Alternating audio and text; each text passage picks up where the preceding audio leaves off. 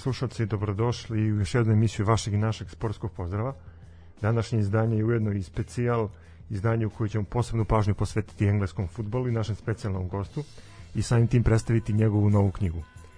Izuzetna mi je čast i veliko zadovoljstvo da vam predstavim Igora Tudorovića Zgrova. Igore, dobrodošli u sportski pozdrav. Dobro reći, Stefane. Kako se osjećaš danas?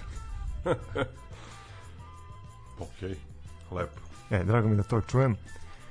Tvoja knjiga izašla prošle nedelje. Malo pre si rekao, kaže, e, novu knjigu. Neko će pomisliti čovjek pisac. Pa dobro, obzirom da znam da si zastupljen u raznim kulturno-sportskim e, projektima, a između ostalog si bio autor, odnosno ko autor, a, novosadske punk verzije koja je imala tri izdanja, ako se ne varam. Tako je, da. Ovaj, nekako je mi ova knjiga baš ide uz tu reč nova. Pa jeste, ok, da. Autor nove knjige, može. Evo ovako, reci mi odakle inspiracija za, za ovu knjigu, obzirom da znam da si ljubitelj sporta, futbala prevashodno i ljubitelj engleske, nekako bi se čini da je to moralo da dođe do, do toga da se pu, publikuje i da se izbaci na, na Znaš kako, kad tržište. sam, kad sam bio klinac, uh, sad kad kažeš ljubitelj sporta, baš sam pratio sve živo. Znači, olimpijade, sedeo, pisao, zapisivao ko je koliko prebacio normu, jeste, nije. Kako sam stariji, sve sam ono, od, onako precrtavan sport po sport, ostao dok samo na futbolu. A, dole to ono kao mator pa tolerancija na nuli ili kako već ide. E, I taj futbal mi se ograničio na Engleze koje, eto, pratim, volim, a, ne znam, 40 godina i ovo domaće klub za koji navijam i to nešto još lokalno isto toliko i to je to. Redko kad sebe nateram da pogledam utakmicu španskog, nemačkog, italijanskog, bilo kojeg drugog prvenstva, lige, šampiona Evrope, ne znam kako se već zovu ovaj koje. Znači, stvarno ne znam da sam sebe uvatio da mi neko kaže "E, kao jednoga gleda Real Levante ili ne znam, ni, ni, znaš, kao pola tih, ni da izgovorim. A za Engleze sam se zakačio davno i kao to je to i tamo sam našao otprilike dovoljno mi je, sve što, što mi treba tamo je, znaš. Od muzike, subkulture, navijača. Pa sve se nekako ovaj, spojilo i o, ok, logično je da sam se kao dete koje je odrastalo u ono vreme, uh, to rođen 74. pa prve te neke veze sa futbolom, spo, sportom je ono preko dede, oca, to je taj kraj 70-ih, rane 80. I prvo to neko svetsko prvenstvo koje pamtim je Španija 82. Ja se tog prvenstva sećam sigurno bolje nego prvenstvo koje je igrano pre par godina, da budem iskren, ne mogu se setim nigde. Nisam ga ni gledao. znaš, Skužio to- sličice, pa nije njega. Uh, onda da, ali to sam prestao davno. Uh, znaš, kao koliko je današnjim klincima, koliko znače ti neki Messi i, i Ronalda i, i, i ne znam, ono, Neymar i toliko sam se ja, mislim, mi onda, ovaj, ali većina se tada pod navodnicima palila na ne znam, ovamo Platinija, onamo Rosija, Rumenigija, Bonjeka i ne znam šta, a ja se zakačio za Engleze, više iz nekog takvog klinačkog bunta, jer eto, ono kao desilo se, da sam bio na nekom dečijem rođendanu, roditelji i svi, gleda se utakmica svetskog prvenstva 82. u Španiji između Francuske i Engleske i da kompletno svi prisutni od ono klinaca preko roditelja navijaju za Francuze i u meni to kao, e, ja namerno neću za Francuze, ja ću za Engleze. Kontra. Da, pa Francuzi ono kao bili stvarno ozbiljna ekipa, to Platini, Rocheteau, Bossis, Gires, Amoroze, znaš, kako ozbilj, ozbiljan tim.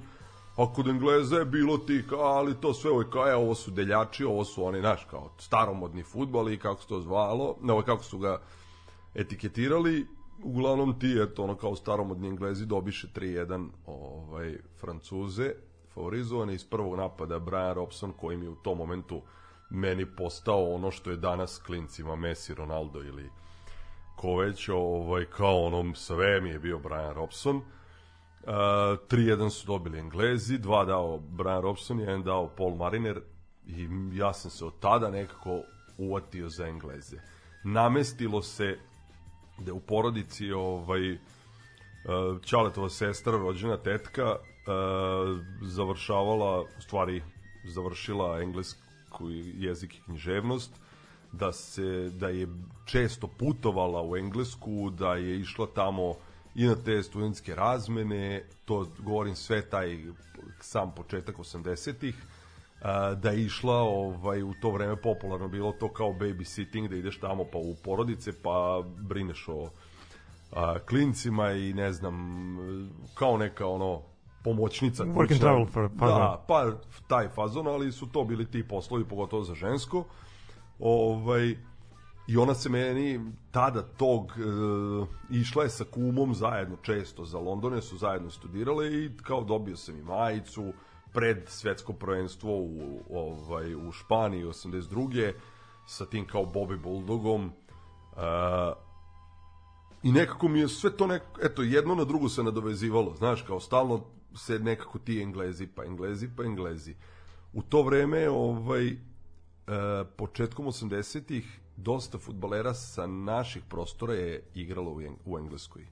Da, otišao je gola se tako. Pa, okej. O, znaš, Golac, kao Antić. Golac, Antić, Borota, bio je Pižon kratko u Arsenalu, bio je Nikolić iz Zvezde u Manchester Unitedu i Boltonu, A, bio je, ne znam, Miročević iz budućnosti igrao takođe u Engleskoj, bili su iz uh, par igrača iz Hajduka i Veleža, ne znam, koji su igrali u Swansea, u Sheffield Wednesday, u uh, Noriću, ne znam, od, uh, znaš, kao u, u jednom periodu od jednom kao ej 10 fudbalera sa prostora koje si znao iz ono sa kao iz albuma sa sličicama ove naše lige tadašnje jugoslovenske odjednom su svi ovaj završili na ostrvu. To je ta neka sezona 81, 2, 3, 4, znaš.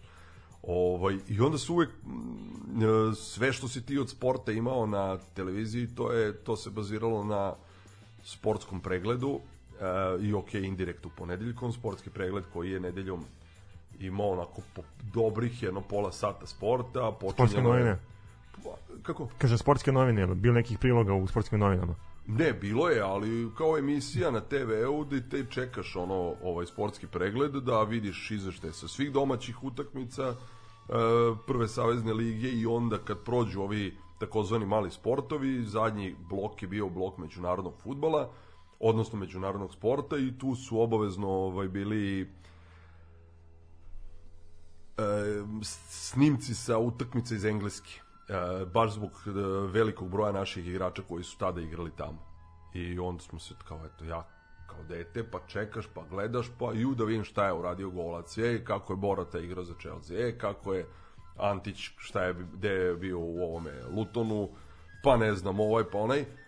I to su bili neki prvi susreti sa engleskim futbolom stvarno, gde ja, znaš, kao koliko ti imao pojma, koji je klub odakle, znao si ih 7-8 da ih nabrojiš, znaš, kao Liverpool je u to vreme harao ono, evropskim futbolom, Uh, I to se otprilike svodilo na to, sad sam ja bio dete 8-9 godina tek tada, ali je to bilo, znaš kao, kad me neko pita šta, e, ovamo se zna za koga, a ovo strani futbal, svi su vrtili da vide gde su Brazilci, aha, evo ga Maradona, gde je Maradona, gde je, ne znam, Platini, a ja sam tražio, ono, ne znam, u albumu da nađem Engleze, da probam da pročitam taj, ono, prezimena, nisam ni znao kako se pravilno ni čitaju, ni izgovaraju, pogotovo što u domaćoj štampi koja je bila ćirilična, uh, konkretno sport, uh, dnevni sportski list koji ne izlazi neko vreme već, ugasio se, uh, jako puno je bilo grešaka uh,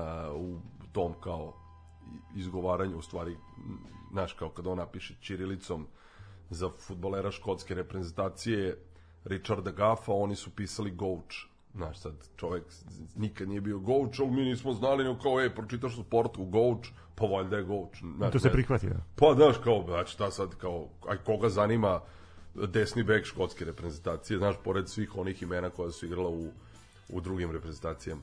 Ovaj, tako da, eto tako, ono, nisi znao ni kako se šta pravilno piše, ni kako se šta izgovara, ali si nekako tim, tom naivnom dečačkom, znaš, kao, strašću, eto kao, kačio se na Engleze. I onda je nekako logično iz tog nekog klinačkog bunta, tamo peti, šesti razred, kad si se zakačio za prvu neku muziku, da kažeš, ej, ne slušam ono što roditelji puštaju kod kuće i što svira na radiju, ukačio sam se ono preko drugara koji su bili godinu dve stariji od mene ovaj, na punk muziku i sve se nekako počele kockice se sklapaju, znaš, kao sve, sve, sve je gravitiralo ka engleskoj.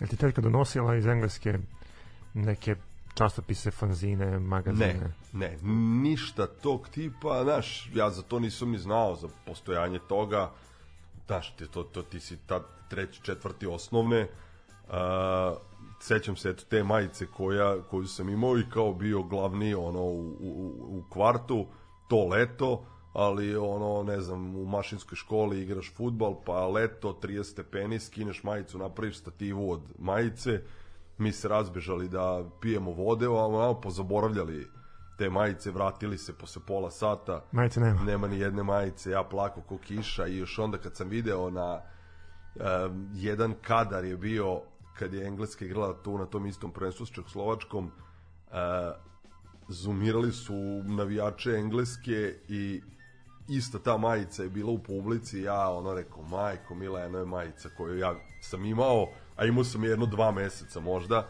a više je nema znaš, tako da Eto, na, nije se i ni imalo, znaš, kao sad novaca, niti sam ja ono bio sad strastveno u tome da sad kao, ej, moraš mi doneti, ne znam, ovo, ovo, nisam ja ni znao šta tamo izlazi od, šta znaš ti sa 8 godina, jel da? A kako si odredio navijačku pripadnost klubsku? Pa Je li isto opet ut- uticala neka majica, šal, nešto tako? ne, ili? pa tu je onako deda i otac su odredili ovaj znaš, kao dosta sam sa dedom provodio kao mali, on me je dosta čuvao, vodio u školu, piju, znao se ritual, ono kao čitanja novina, Seckanje. Secka, ja- ja sam voleo od starta nešto, ej, znaš, kao kupovalo se, jako puno je, se kupovala dnevna štampa, bilo je najnormalnije da svakog dana imaš po dvoje, troje novina u kući, da se obavezno kupuje i sprint, eh, hrvatski, u stvari tad je još uvijek bila SN revija, a posle sprint, pa a, i tempo, i ne znam, deda koji je bio strastveni igrač sportske prognoze, on je redovno dolazio kući sa, to je tadašnji kao časop, u stvari nije časopis, nego list za Sportsku gledanje. igrače sportske prognoze, koji se zvao Eho. A, tu su bili svi ti kao znaš, kao parovi ovamo namo i onda bi mi to razapeli šestoro novina na velikom stolu, pa pravili neke tabele i ono kao znalo se deda i Čale navijaju za Partizan, znaš kao ni, nisam ni dolazio u, niti se pitaš ej, zašto je to tako ili ovo ono, nego je nekako ti je znaš, kao došlo samo od sebe, a s druge strane i tu mi je bilo ono tog nekog buntovnog, e, većina navija za, ne znam, zvezdu ili koga već, e, ja ću da budem kontra, znaš, tako da mi je nekako uvek u svim tim, e, neću navijati za Francuze za koje svi navijaju, ili Brazil ili Argentinu, ja ću za Engleze, e, neću navijati za zvezdu za koje svi navijaju, ali kažem iz kuće je to sve poteklo. A deda je bio, znači, strastveni navijač Partizana. Deda Crnogorac, a, kompletna porodica je kolonizirala u Vojvodinu iz Crne Gore, ja sam rođen u Novom Sadu. A, zanimljivo da eto u porodici koja je imala, ne znam, devetoro dece, šestoro braće, tri sestre, a, njihova deca kad su se rađala 60. godina, oni su davali, braća ta i sestre su davali imena, imena toj deci po tadašnjim futbalerima Partizana, to je verovatno i logično obzirom da je Partizan 60-ih osvajao ovaj u nizu, ne znam, tri titule, i posle i četvrtu u prvih pet godina 60 godina i stigao do finala Kupa šampiona. Tako se moji ti neki stričevi zovu ne znam, Srđan, Zvezdan i, i Zoran po, po braći Čebinac i po Miladinoviću. I to kad sam ja pričao sa njima kao, oje, otkud ta imena, I iako je taj zvezdan je zvezdaš, ali on zna da kaže ja sam nazvan po futboleru Partizana. Tako da je jednostavno se, eto to tako nekako namestilo da je cela porodica ta starija, deda tih, da su svi ono bili partizanovci mahom. Ste vodili na utakmice? Redovno smo išli, znaš kako, u ono vreme a, uopšte nije bila jeftina zanimacija otići za Beograd. A, mi smo, ja sam odrastao u porodici gde smo ono do moje 13. godine smo bili podstanari, živjeli u 30 kvadrata. Keva i Čale radili po smenama, uh, zato me i deda najviše čuvao uh, i mi smo znaš kao ja, ja nisam ne, to je ono kao jednom godišnje ako se ode u Beograd da se prošeta Kalemegdanom ne znam Knez Mihajlovom ako je neki sajam da se obiđe sajam automobila to se sećam dok ja nisam ono kao baš zagrizo u futbal debelo, Čale me je tek tad sa nekih ono 10-11 godina odveo prvi put u Beograd na utakmicu. A išao sam redovno na sve žive male ove ovaj stadiončiće i terene po Novom Sadu, jer je Čale 70. godina igrao u par lokalnih ni, ovde no, novosadskih nižerazrednih klubova, pa smo gledali i Želju, i Kabel, i Slaviju, i Novi Sad, i naravno Vojvodinu i sve si njih smatrao lokalnim klubovima i bilo ti drago da svi oni ono kao pobede i da ostvare ono kao zapažene rezultate. I tad smo baš pratili i znalo se ej, kao gledaš treću ligu zbog Slavije i Kabela, gledaš drugu ligu zbog uh, Novog Sada, gledaš kako je Vojvodina prošla, daj nek Vojvodina pobedi gde god može redovno smo išli na, i na stadion Vojvodine, gledali sve žive i kao uvek navijali za Vojvodinu, ok, osim protiv Partizana. A eto, Partizan kad god je dolazi u Novi Sad, to je bilo kao najnormalnije da naš kao tebe deda vodi, ja nosim, znaš kao zastava, crno-bela, sve po redu, ideš na istok, zapad, drugačije vreme bilo. Jesu postojale neke pionirske članske karte za decu pa su lakše ulazili, pošto se znalo to da nekad su vojnici mogli da uđu jednu posebnu tribinu, Bile su, da, bile a evo sad te- imamo taj primjer da, da pojedini futbolski klubovi insistiraju na tome da deca i đaci idu na određenu tribinu i da imaju besplatan ulaz. Bilo je to sve, znam da je i u Vojvodini bilo da ovaj, drugari koji su Vojvodinaši, oni su imali te neke kao članske pionirske karte koje su ujedno bile i ulaznica, pa je bilo dovoljno da se pojaviš sa tom kartom i da imaš bilo kakvo crveno-belo obeležje i mogu se da ulaziš na, na stadion Vojvodine besplatno. Bilo je to i u, ono, u Beogradu i u drugim gradovima. Mislim, jednostavno u ono vreme stvarno je ono futbal bio uh, ono tema u svakom domu. Znači, o čemu se pričalo, ja mislim da je svaka ono maltene porodica u kojoj je bilo muške dece se bavila futbalom. I to tim domaćim jugoslovenskim futbalom. I bilo je najnormalnije da ti u Novom Sadu, ja kad sam se preselio ovaj, na novo naselje 87. Bilo mi je ono zanimljivo što sam u, od ono, ne sam bliskih deset drugara imam petoricu hajdukovaca i to ono kao trojica koji su rođeni, svi su rođeni u Novom Sadu, a trojica koji su Srbi bili, znači ne, i nikakve veze nisu imali rodbinske sa Hrvatskom, ali su kao navijali za Hajduk, znaš, kao i to bilo najnormalnije da se navija za Hajduk. Da, to smo imali čak i, i priliku da vidimo u nekim ranim izdanjima nekih uh, fanzina gde su pričali o tome kako su, na primjer, ne znam, iz Vranja navijali za, za Rijeku ili obrnuto, tamo, ne znam, iz Mostara za Partizan ili, ne znam, iz... No, dobro, Partizan i Zvezda su imali navijače bukvalno od Da, širom Jugoslavije. Širom Jugoslavije i m, takođe i Hajduk koji ima ono, dosta navijača po Srbiji, u Beogradu posebno, a kažem ono kao u Vojvodini je bilo, znaš kao koja je mešana sredina, dosta i Dinamovih i Hajdukovih, znam kad god sam išao na stadion Vojvodine da gledam Vojvodinu protiv hrvatskih klubova da je bila onako ne mala grupa navijača na severu koja je tad su gostujući dolazili odlazili na sever ovaj koja je navijala za, za gostujuće ekipe i tu se ono znalo kao ej zastava iz Petrovaradina je tu i kada igra Hajduk i da- kada igra Dinamo znaš oni su svi navijali za hrvatski klub tako da ovaj drugo vreme je bilo Osim tih zastava koji se spomenuo, neizostavan detalj na, na futbolskim utakmicama bili su i tranzistori. Oni ručni. Jer si imao primjerak svog tranzistora koji si nosio. Naravno, to je ono bilo kao danas što nose mobilni muškarci su imali tranzistor ovi stariji zaposleni u akt tašni se obavezno i nosio tranzistor. Mi klinci smo znaš kao to ti je bilo kao da danas dobiješ kompjuter. Znaš kao poredilo se sa laptopom. Ej kao u, u, e, u ono vreme to je bio tranzistor. A, mala spravica jel za ove mlađe koji ne znaju a, radio gde su se redovno slušali prenosi i, i mislim da, da pogotovo nama, ono mlađima, je samo za sport i služio da bi ono kao ispratio dešavanja i ti kombinovani radio prenosi futbolskih utakmica prve savezne lige ono u čuvenoj emisiji Vreme sporta i razonode je ono nešto po čemu kao pamtiš detinjstvo To je čak i dokumentarno na nekim filmovima gde smo imali eto, u tesnoj koži onaj moment kada idu ti multi radio Multi prenosi. prenosi, da, da, da. I tu je bilo ono kao onako komocija da ti prenosiš lupam utakmicu Sarajevo Vardar, ali da nema nikakvih problema da ako se nešto desi u Zagrebu na utakmici, ne znam, Dinamo Čelik, da će onaj iz Zagreba prekinuti kolegu iz Sarajeva.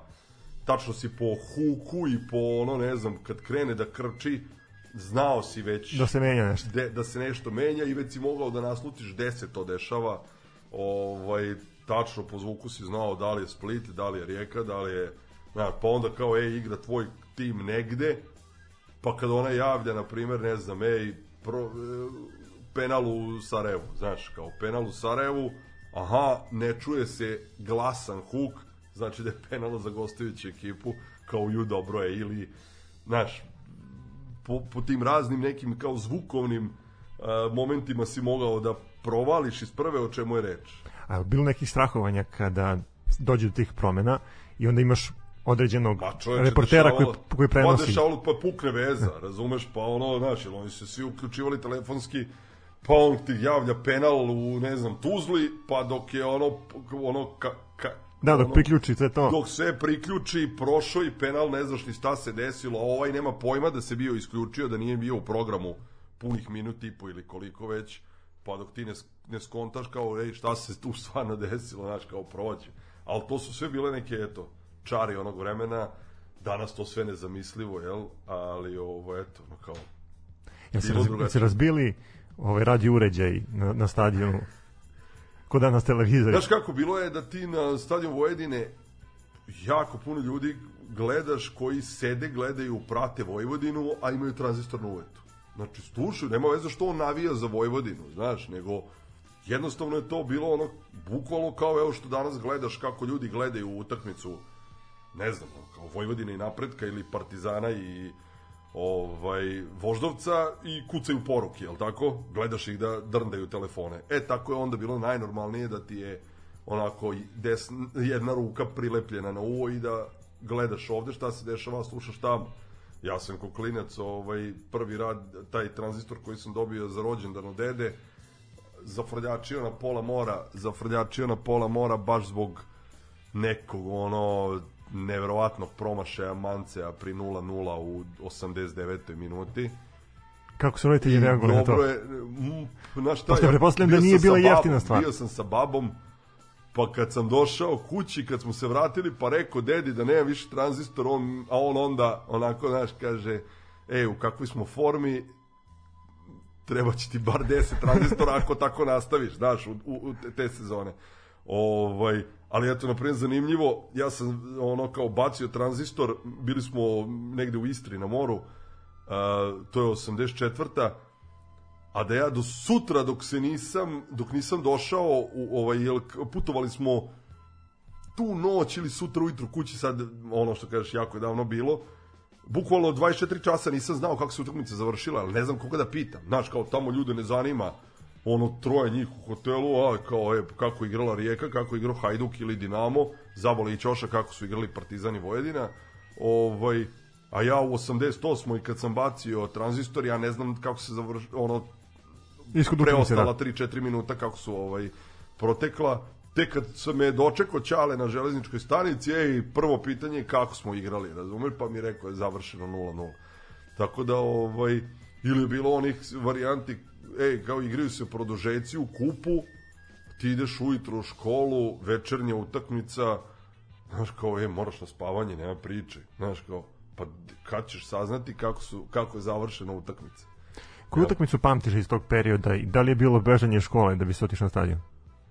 Znaš kako, mnogo više pamtim e, taj period i mnogo slikovitije nego sad ću lupiti neku utakmicu od pre 3, 4, 5 sezona. Ajde, ovo što je bilo u poslednjih e, pola godine mi je u friškom sećanju, pa znam gde sam bio, šta sam gledao, a sada me neko pita kao, ne znam, ej, Partizan, Mlado Slučan i iz 2018. morao bi dobro da vratim film, da se setim šta je, ko je.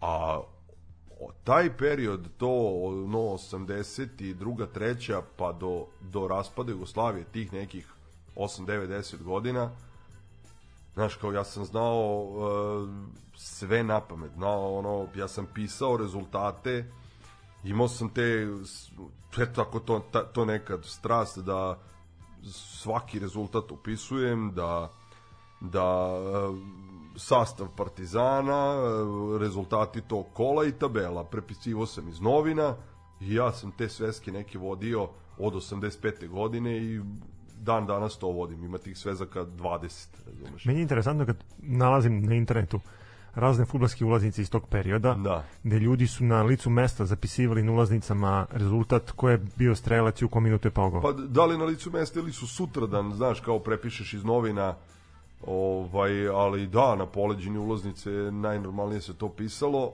a ja sam sve te ulaznice od najranije kad sam otišao prvi put skupljao, lepio i uz svaku ulaznicu pisao sve te osnovne generalije plus neki moj mali onako u dve, tri rečenice moj neki doživljaj da li lični, da li ej, ovo je golčina volej takav i takav ili fenomenalna akcija ili poništen gol zbog toga i toga ili ne znam nešto zanimljivo Da, se desilo, sa- sa tribinama, desilo da. na tribinama ili kako već, tako je. U tom periodu već kreću ozbiljno da se organizuju navijači na raznim ovaj tribinama i kreći sa izradom navijačkih i zastava i transparenata i ceo taj navijački kolorit poprima jednu drugačiju dimenziju. U tom periodu, kada pogledamo slike, možemo da vidimo i pojedine šalove italijanskih i engleskih klubova. Mene zanima kako su ljudi u tom periodu, obzirom da nije bio internet, da nije bilo društvenih mreža, da su teško komunicirali sa ljudima koji su sa strane, dolazili do tih navijačkih rekvizita. Pa znaš I, kako... I da. kako, na primjer, e, ti si, pretpostavljam, sigurno imao neki, mislim, šal koji ti je bio veoma dragocen i značajan. Kako si došao do njega? I ko je bio u pitanju? A, meni je tada živeo sam vrlo blizu železničke stanice do 87. I u sezoni kad je Vojvodina igrala pos, tu sezonu u kojoj je ispadala iz uh, prve lige, jedina sezona kad, kad je Vojvodina ispala iz prve lige, sezona 85-6, mi smo na svaku utakmicu na stadionu išli nas tako 10, 15, 20 drugara iz kraja. Vrlo mladi smo bili, to, to je se uzrast bio od 10 do 12, 13 godina. Znači to, četvrti, peti, šesti osnovne. E, najnormalnije je bilo da te roditelji puste da si ti ceo dan napolju, da dođeš kući samo da jedeš i da se presvučeš. Ja sad ne, stvarno ne mogu da zamislim iz ono kao današnje perspektive, ono kao i, i toga da što sam ja roditelj, ok, imam ovaj, e, čerku, e, ali sad da imam sina koji ima 12-13 godina, da li bi ja puštao sina od 12-13 godina samog da ide to, tako kao, ej, ide tata na utakmicu, znaš, kao, malo mi, ne, znaš, kao, jednostavno je drugo vreme bilo. A, I mi smo znali tačno, ej, kao super, non stop smo bili napolju, non stop smo igrali futbal, non stop se pričalo o futbolu i znalo se, aha, ko nam dolazi sada u Novi Sad, dolazi i Dinamo.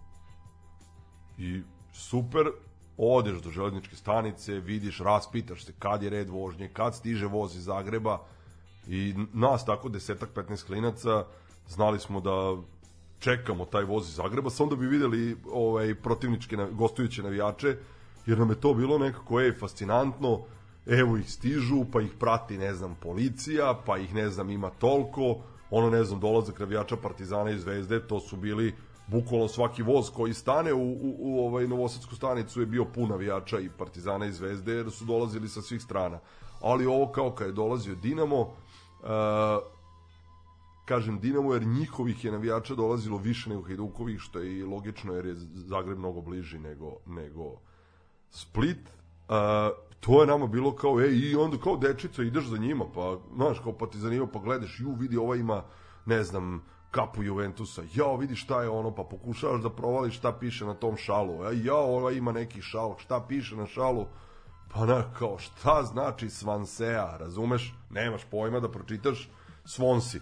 Ovaj, Znaš, sve ti je to tako bilo onako dečački naivno da otkrivaš, da saznaješ a, normalno se moglo putovati u inostranstvo, ljudi koji su e, znaš, kao taj tadašnji crveni pasoš je stvarno bio poštovan u svetu, ti si bez vize išao gde si hteo, Dakle, to je bio mnogo veći standard. Tako je. Ovaj, najnormalnije se išlo u Italiju i ti prvi neki šalovi su dolazili iz Italije i naravno iz Engleske. Ovi koji su bili stariji eh, od nas išli, isto voleli futbal išli putovali, donosili su od preko.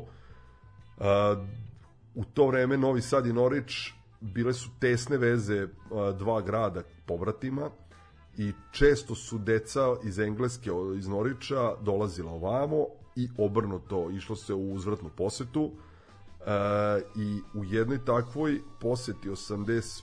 6. je od mog najboljeg drugara iz tog ovaj perioda brat rođeni koji je p- 67. godin, što on je putovao u Norvič kod tog svog domaćina tamo i onda je taj Englez dolazio, Richard se zvao, dolazio kod njega. Tad kad su ti Englezi došli ovamo u posetu, nas gomila klinaca ono fascinirani, jao, ajde idemo da vidimo prave Engleze.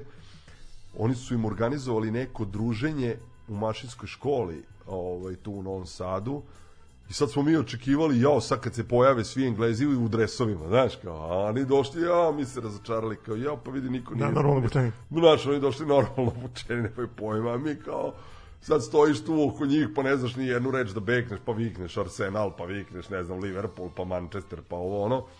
Ovaj, uglavnom je taj e, vlada, brat od tog mog druga Gerija, došao iz Engleski i doneo je svojim drugarima par dresova i nekoliko šalova. Ja sam bukvalno svaki drugi dan kad sam išao kod njega, on kao daj, samo da gledam šal. Sećam se ono kao šal Arsenala, šal Nottingham Foresta, adres Manchester City-a. Pa, meni je to bilo ono kao, ej, da nabavim nekad, negde, jedan, ta, bilo kog kluba, bilo šta, bilo, znaš, kao to bi mi bilo, to je to. Proći će tu još dve, tri godine dok ja nisam se dokopao svog nekog prvog šala. Umeđu vremenu, znaš kao kako stariš i sa, s godinama upoznaješ i starije i ovamo onamo i s, u, uključuješ se mnogo više i u priču i upoznaješ i navijače koji idu i za Beograd i na gostovanja i na Vojvodinu redovno i prate Vojvodinu na gostovanjima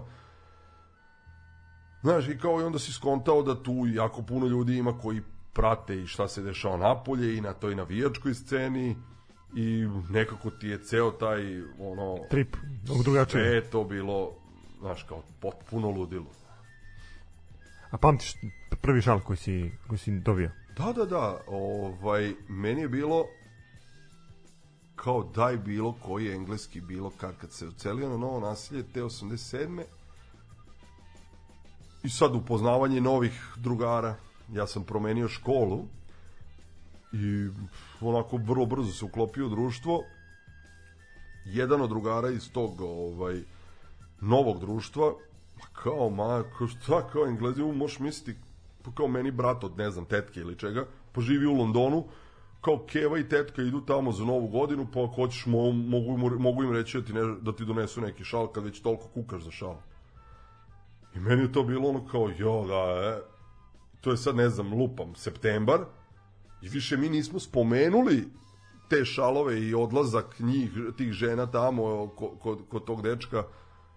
Uh, samo znam ono kao jednom, da li je to tu negde oko nove godine, one su išle tamo za te božićne praznike, taj Sale me zove, kaže, ej, došla mama iz Engleske, evo donela je šalove, pa kao, aj dođi da izabereš.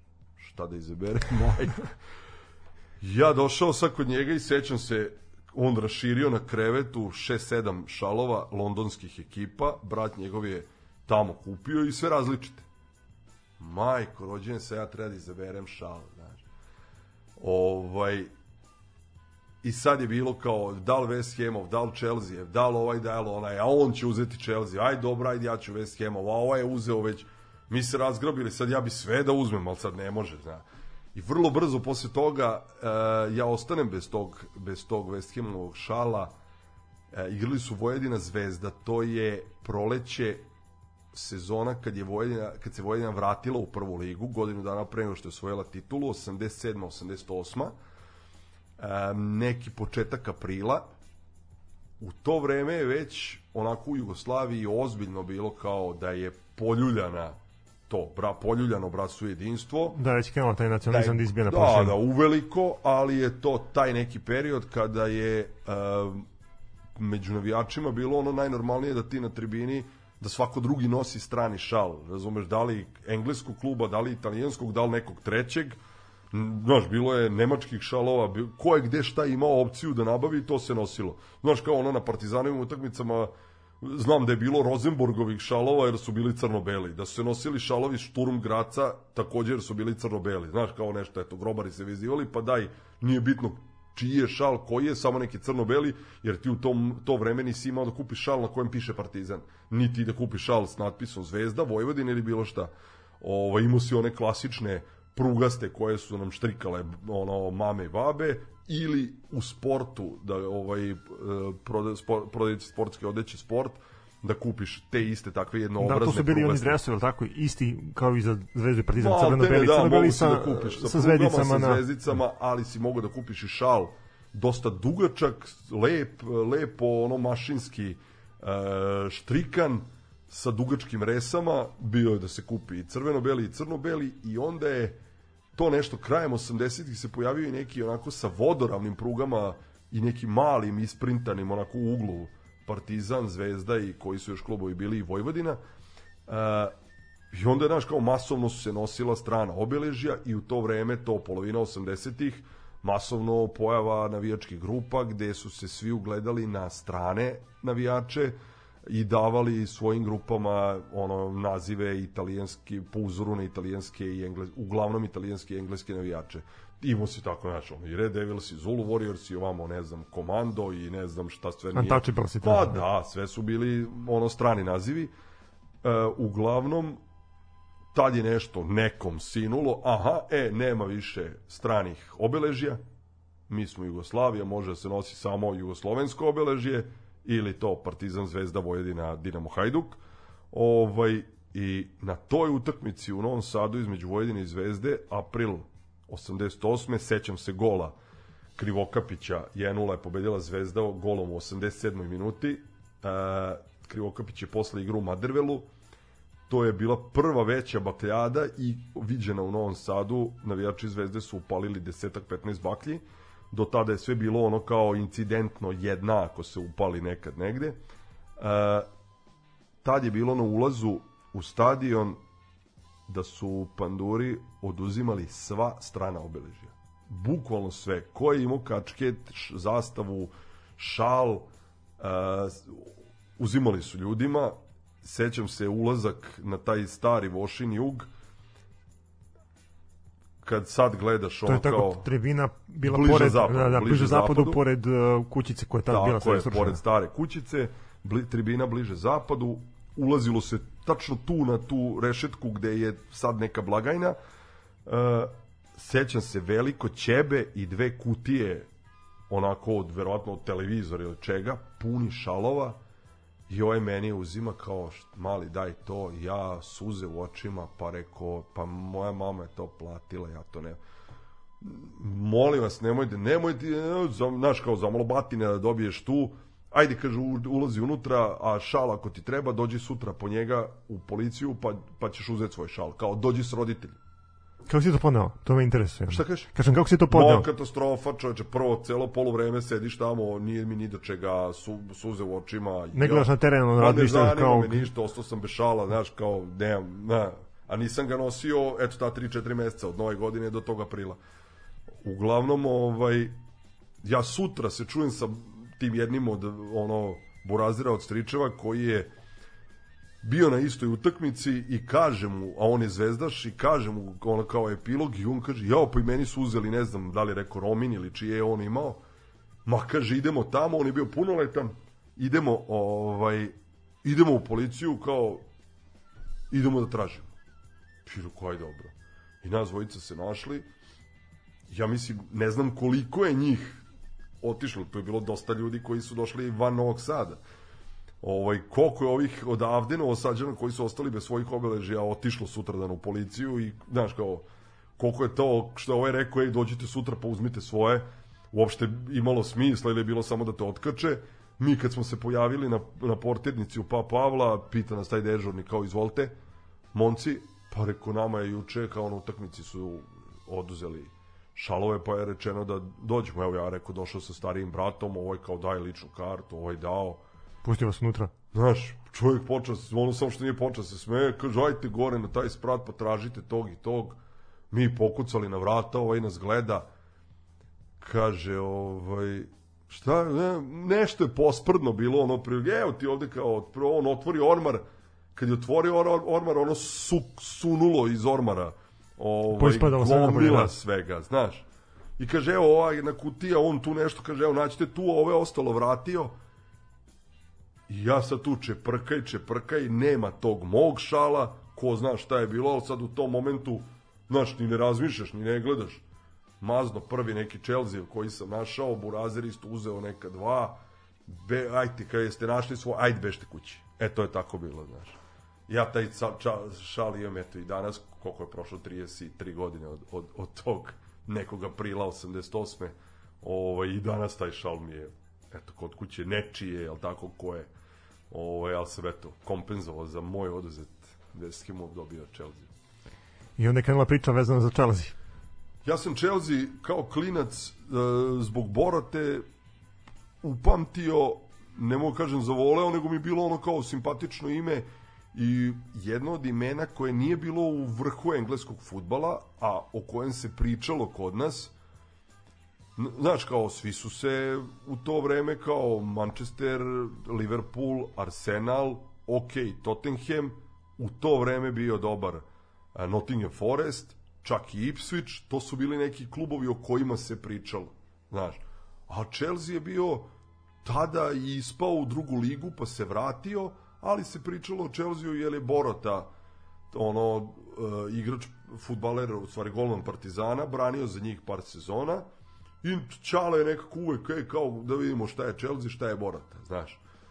Nekako se namestilo i da u to vreme kad se krenulo to pod navodnicima loženje na Engleze i na strance, da su se navijači zvezde uh, identifikovali sa crvenim klubovima, uh, i da su, Liverpool, pa uglavnom Liverpool. Liverpool zbog ono kao naš svih uspeha i svega, ali to i Arsenal jer je i Pižon bio tamo, ali i Manchester United, a ne to ono kao grobar, iako Chelsea nije crno-beli, su se nekako ukačili na Chelsea.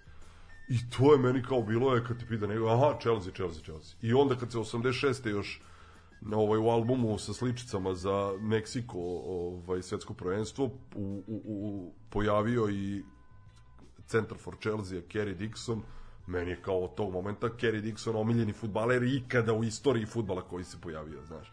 Tako da sam se eto nekako tada kao Chelsea, Chelsea, ali ti ne znaš ništa o tom klubu, ni jednu info, jel nemaš gde da pročitaš, ne postoji informacija u novinama osim kao je ono Chelsea Middlesbrough 0-0 i to je sve što znaš o Chelsea, nema sastava tima, ne znaš ko igra za taj klub, nego eto, da nisam po, pročitao u, u, u albumu sa sličicama da ima neki Kerry Dixon, plavokosi centarfor, da iz Chelsea, ne bi znao ni jedno ime.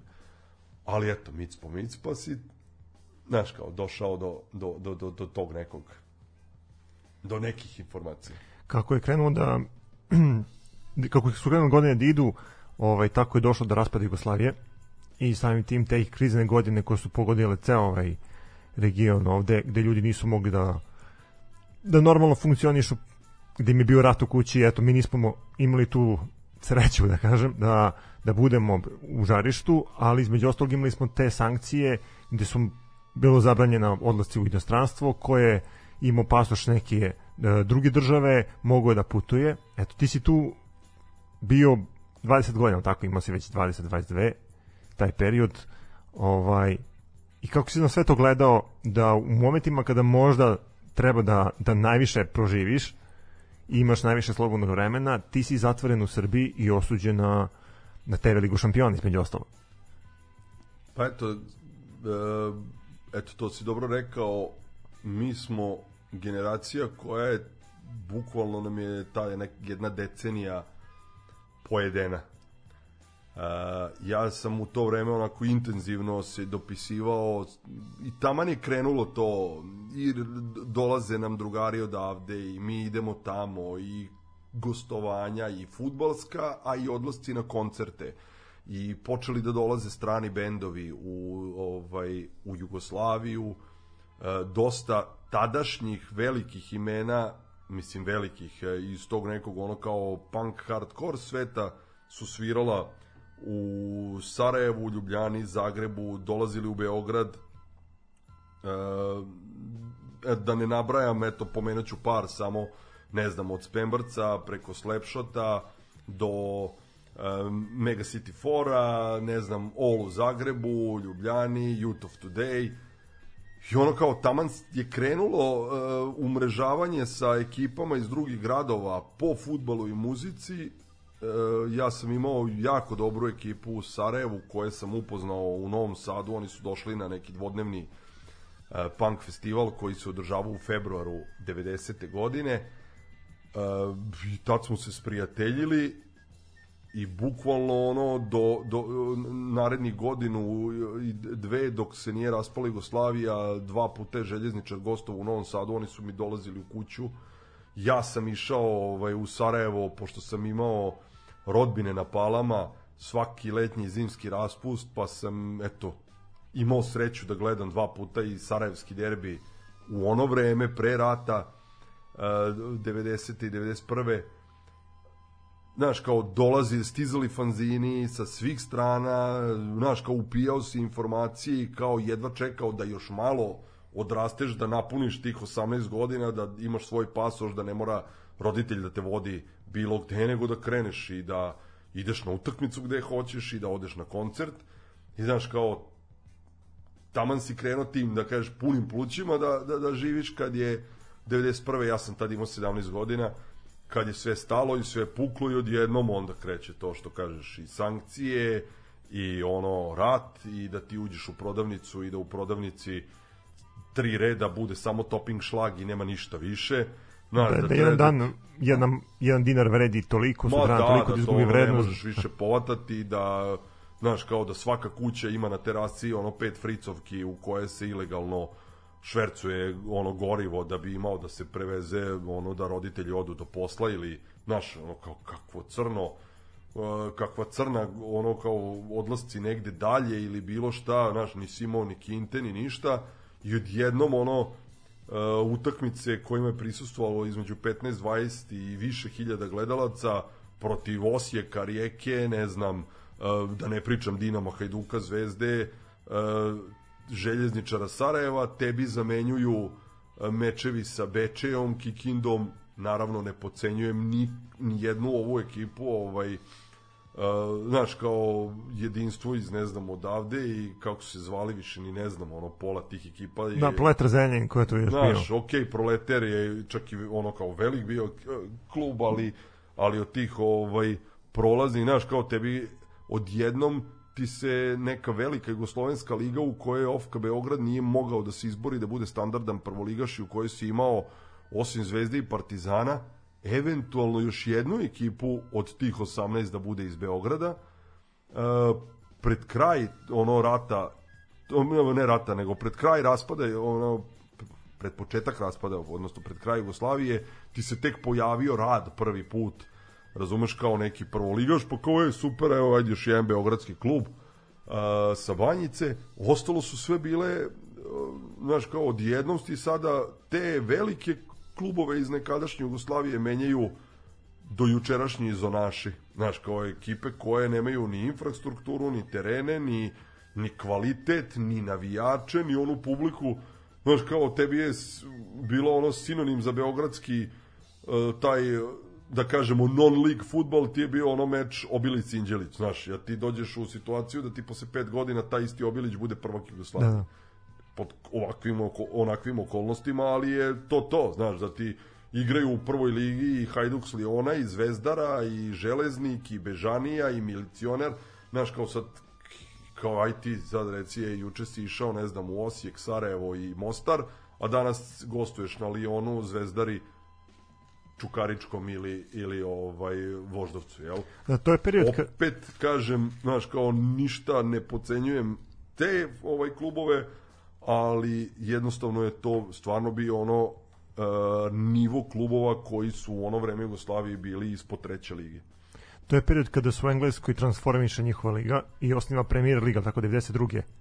Tako ako je. se dobro ovaj, Da, da, da. sećam i kreće futbal nekom drugom linijom da ide mene interesuje eto ta Premier Liga tada i danas ne može da se uopšte uporedi pritom futbol se dosta promenio ali po nekim ono analizama nekih sportskih novinara svi komentarišu da je taj period od 92. pa do 2005.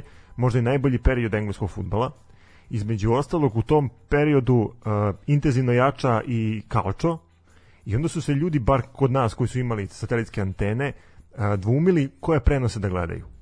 Ja pretpostavljam da se ti više pažnje obraćao, obraćao prema, prema englezima.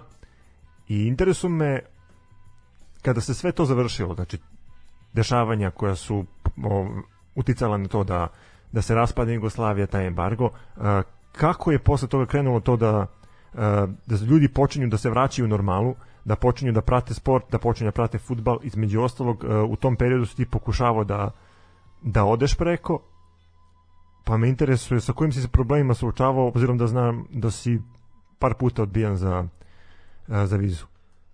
Mm, ja sam ono kao uz to futbol i punk, znači sva su mi stremljenja bila engleski futbol.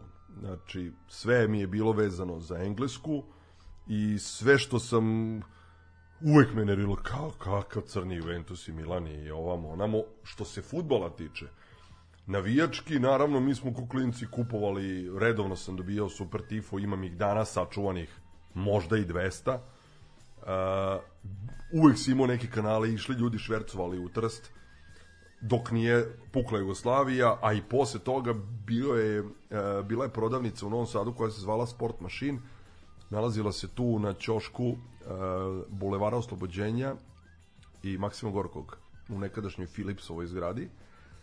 Tu je bilo kao da se kupi dosta tih uh, navijačkih ovaj suvenira stranih klubova, dolazi, donosili su robu iz Italije, mogu si da kupiš uh, šal maltene bilo kog italijanskog kluba, dres italijanskog kluba, znalo je često se zalomi i engleskih, ono što su ti ljudi koji su držali taj shop nalazili u Italiji, to su donosili i oni su donosili redovno i super tifo za nas nekoliko koji smo to redovno kupovali.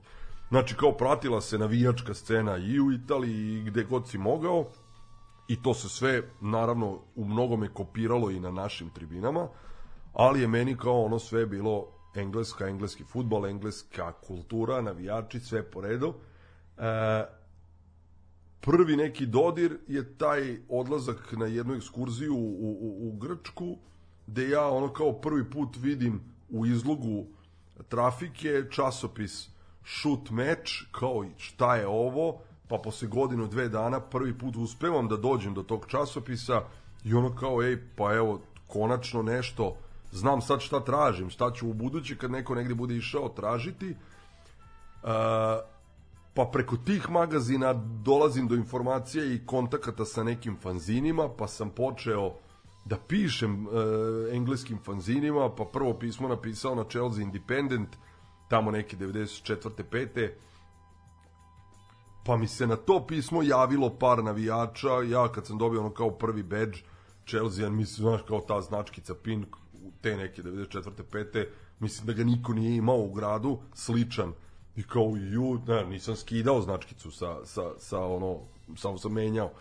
Uh, I sve mi je bilo kao, ej, jednog dana moram otići, moram otići, moram otići, kako god znam i umem, moram otići na Stamford Bridge, da se dokopam Londona, da pogledam jedan koncert, jednu utakmicu i ne moram više nikad ništa.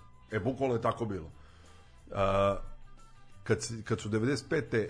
kao potpisan Dejtonski sporazum, kao kraj rata na prostorima bivše Jugoslavije, odnosno u Bosni, i to je to, ajde, pojavile se prve agencije koje ovaj kao padaju. Prvo su prvo je nešto kao ukinute sportske sankcije 93. četvrta, pa onda 95. kao to je to. Uh, meni kao čale pozajmi novac da uplati školu let, ono kao letnju školu engleskog jezika da idem u London. Ja se u to vreme dopisivao sa jednom ona je pet godina starija devojka žena koja je ono cele, čija je cela porodica bila Chelsea i ona mi tada kao u tom pismu njenom jednom otpisam kad sam joj rekao ej planiram da dođem to i to leto uh, sve sam sredio dolazim 100% i ona onda kao ej kad dobiješ vizu pošto ta viza važi duže nego, nego što je moj planirani boravak od par nedelja obavezno planiraj da produžiš taj boravak još par ono desetak dana pa se to na kraju ono ej pa ti možeš onda ostati ne znam koliko pošto je na šest meseci viza pa ostani da radiš ne znam u tom i tom pubu da bi zaradio za ne znam šta da budeš kod nas kao ej nevezano za tu školu još mesec dana maltene i da pogledaš sa nama dve, tri utakmice. Izvadili mi ulaznicu za utakmicu Chelsea Everton i za neku prijateljsku protiv da li je Benfica, ne? sad ono kao iz glave nije ni bitno. Uh, imam sve zapisano. Uglavnom, ja budem odbijen tad za vizu, mislio sam da mi se ono ceo svet srušio, imao sam ono kao, znaš, kao 21 godina, idealan da ostane, jel tako? Po svim parametrima i svim ono kao, aha, ne radiš, student si, ono, znaš, kao možeš misliti student, nema završene ono kao vojnu obavezu, beži garant iz zemlje, ovde je kriza kakva jeste i kao ova je i, i plus osoba iz te agencije preko koje sam aplicirao za vizu koja je popunjavala moj formular, zeznula je nekih par podataka i ja tamo kad sam otišao na razgovor, kad su ovi krenuli da proveravaju verodostojnost podataka pa su skontali da tu ima nekih neslaganja Da, sa, da, da, da, da to nije to, znaš, kao ja sam mislio svet mi se srušio, to je kraj. Ponovo sam kao pokušao dve godine kasnije, 97. I tada je bila opcija ovaj, da sam, kad sam otišao u ambasadu, su mi rekli, vidi, ništa ti se nije promenilo u statusu, statusu i dalje nemaš odsluženu vojsku, i dalje si student, ovaj, bio si odbijen pre dve godine, nema razloga da, da, znaš, kao da i sad ne budeš odbijen. Otprilike to tako bilo najnormalnije, tad se nisam toliko nešto previše ni potresao, kao možeš misliti, odbili me jednom, odbili me drugi put. Ono šta mi, šta mi je bilo, ono teško, 98. na današnji dan Partizan je igrao revanš meč sa. Newcastlom dve nedelje ranije a, gostovali smo na St. James Parku i u jednom avionu je, su bili samo navijači. Ja sam bio na spisku putnika. Od, sad ne znam tačno brojke, 150-200 ljudi koji su putovali tada na tu utakmicu u aranžmanu kluba i kao ne brinite ništa, dobijate svi vize, klub garantuje, jer kao, ne znam, predstavnik kluba nosi, popunjava formulare i nosi, nosi ovaj, te aplikacije i nosi pasoše. Da, pritom idete samo na utakmicu i vraćate se. Samo, bukvalno ne ostaješ ni 24 časa. Slećeš tamo, ideš na stadion, kad sudija svira kraj, ideš kući. Ovaj, ja i mm, još jedan ovaj, navijač Partizana iz Zemuna, Mosi, stariji lik, takođe u tom skroz engleskom fazonu, nas dvojica smo jedini odbijeni, seća se samo on kao telefonskog poziva kao, brate, šta si ti Bogu zgrešio da od nas 150 ono svakojakih likova i ovih sa krivičnim prijavama i ovi koji imaju ne znam i hapšenja i zabrana i čuda i ne znam kakvih ono i zatvorskih kazni da ti ono koji nisi imao nikad takvih problema da budeš odbijen. Bio sam odbijen samo na konto prethodna dva puta. Ja sam tad stvarno mislio ono rekao je ono kao u životu neću se dokopati engleske, treći put me već u, u, u ono tri godine, četiri sam dobio šut kartu i to mi se ono kao postalo, rekao, vrate mili, to, znaš, kao šta sad, jel vredi više ikada pokušavam i onda tako, eto, znaš, kao, ali ta želja da se nekada dokopaš ostrava, znaš, kao kad pogledaš sad te 90.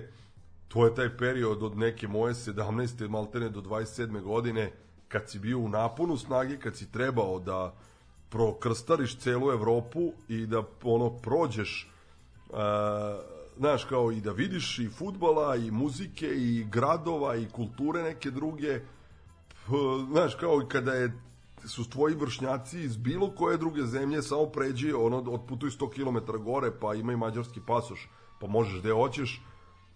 Znaš, kao to je nešto što eto tako ostane ti u, ono za života kao 10 godina koje su tako bačene u tom smislu ovaj koje ti je tako pogrešna politika, pogrešno vođenje. Na, da, da sad ne upirem prstom ni u jedan strani je element i da, da znaš kao da je neko drugi kriv, ne, sami smo krivi što smo, znaš kao uvek pođeš od sebe i ovaj, jednostavno kao to ti je nedostaje ono 10 godina koje si bacio. Jel? Kada se desio taj prelomni moment da si uspio da dobiješ vizu?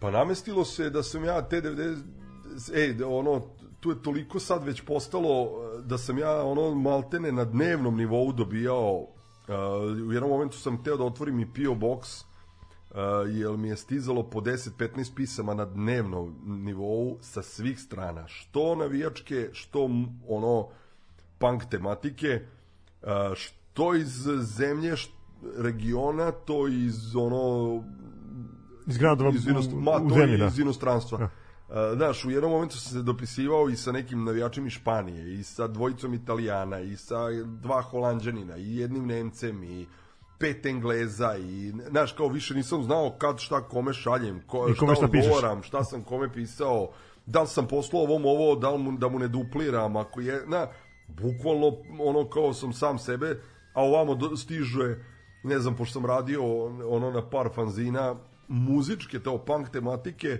pa non stop neki intervjui, stižu odgovori od bendova, stiže ovo, znaš kao, čoveče, meni je celo to, ta, taj neki period mojih 20 godina sve prošlo u tom nekoj komunikaciji sa da kažem normalnim svetom napolju u tom dopisivanju. E,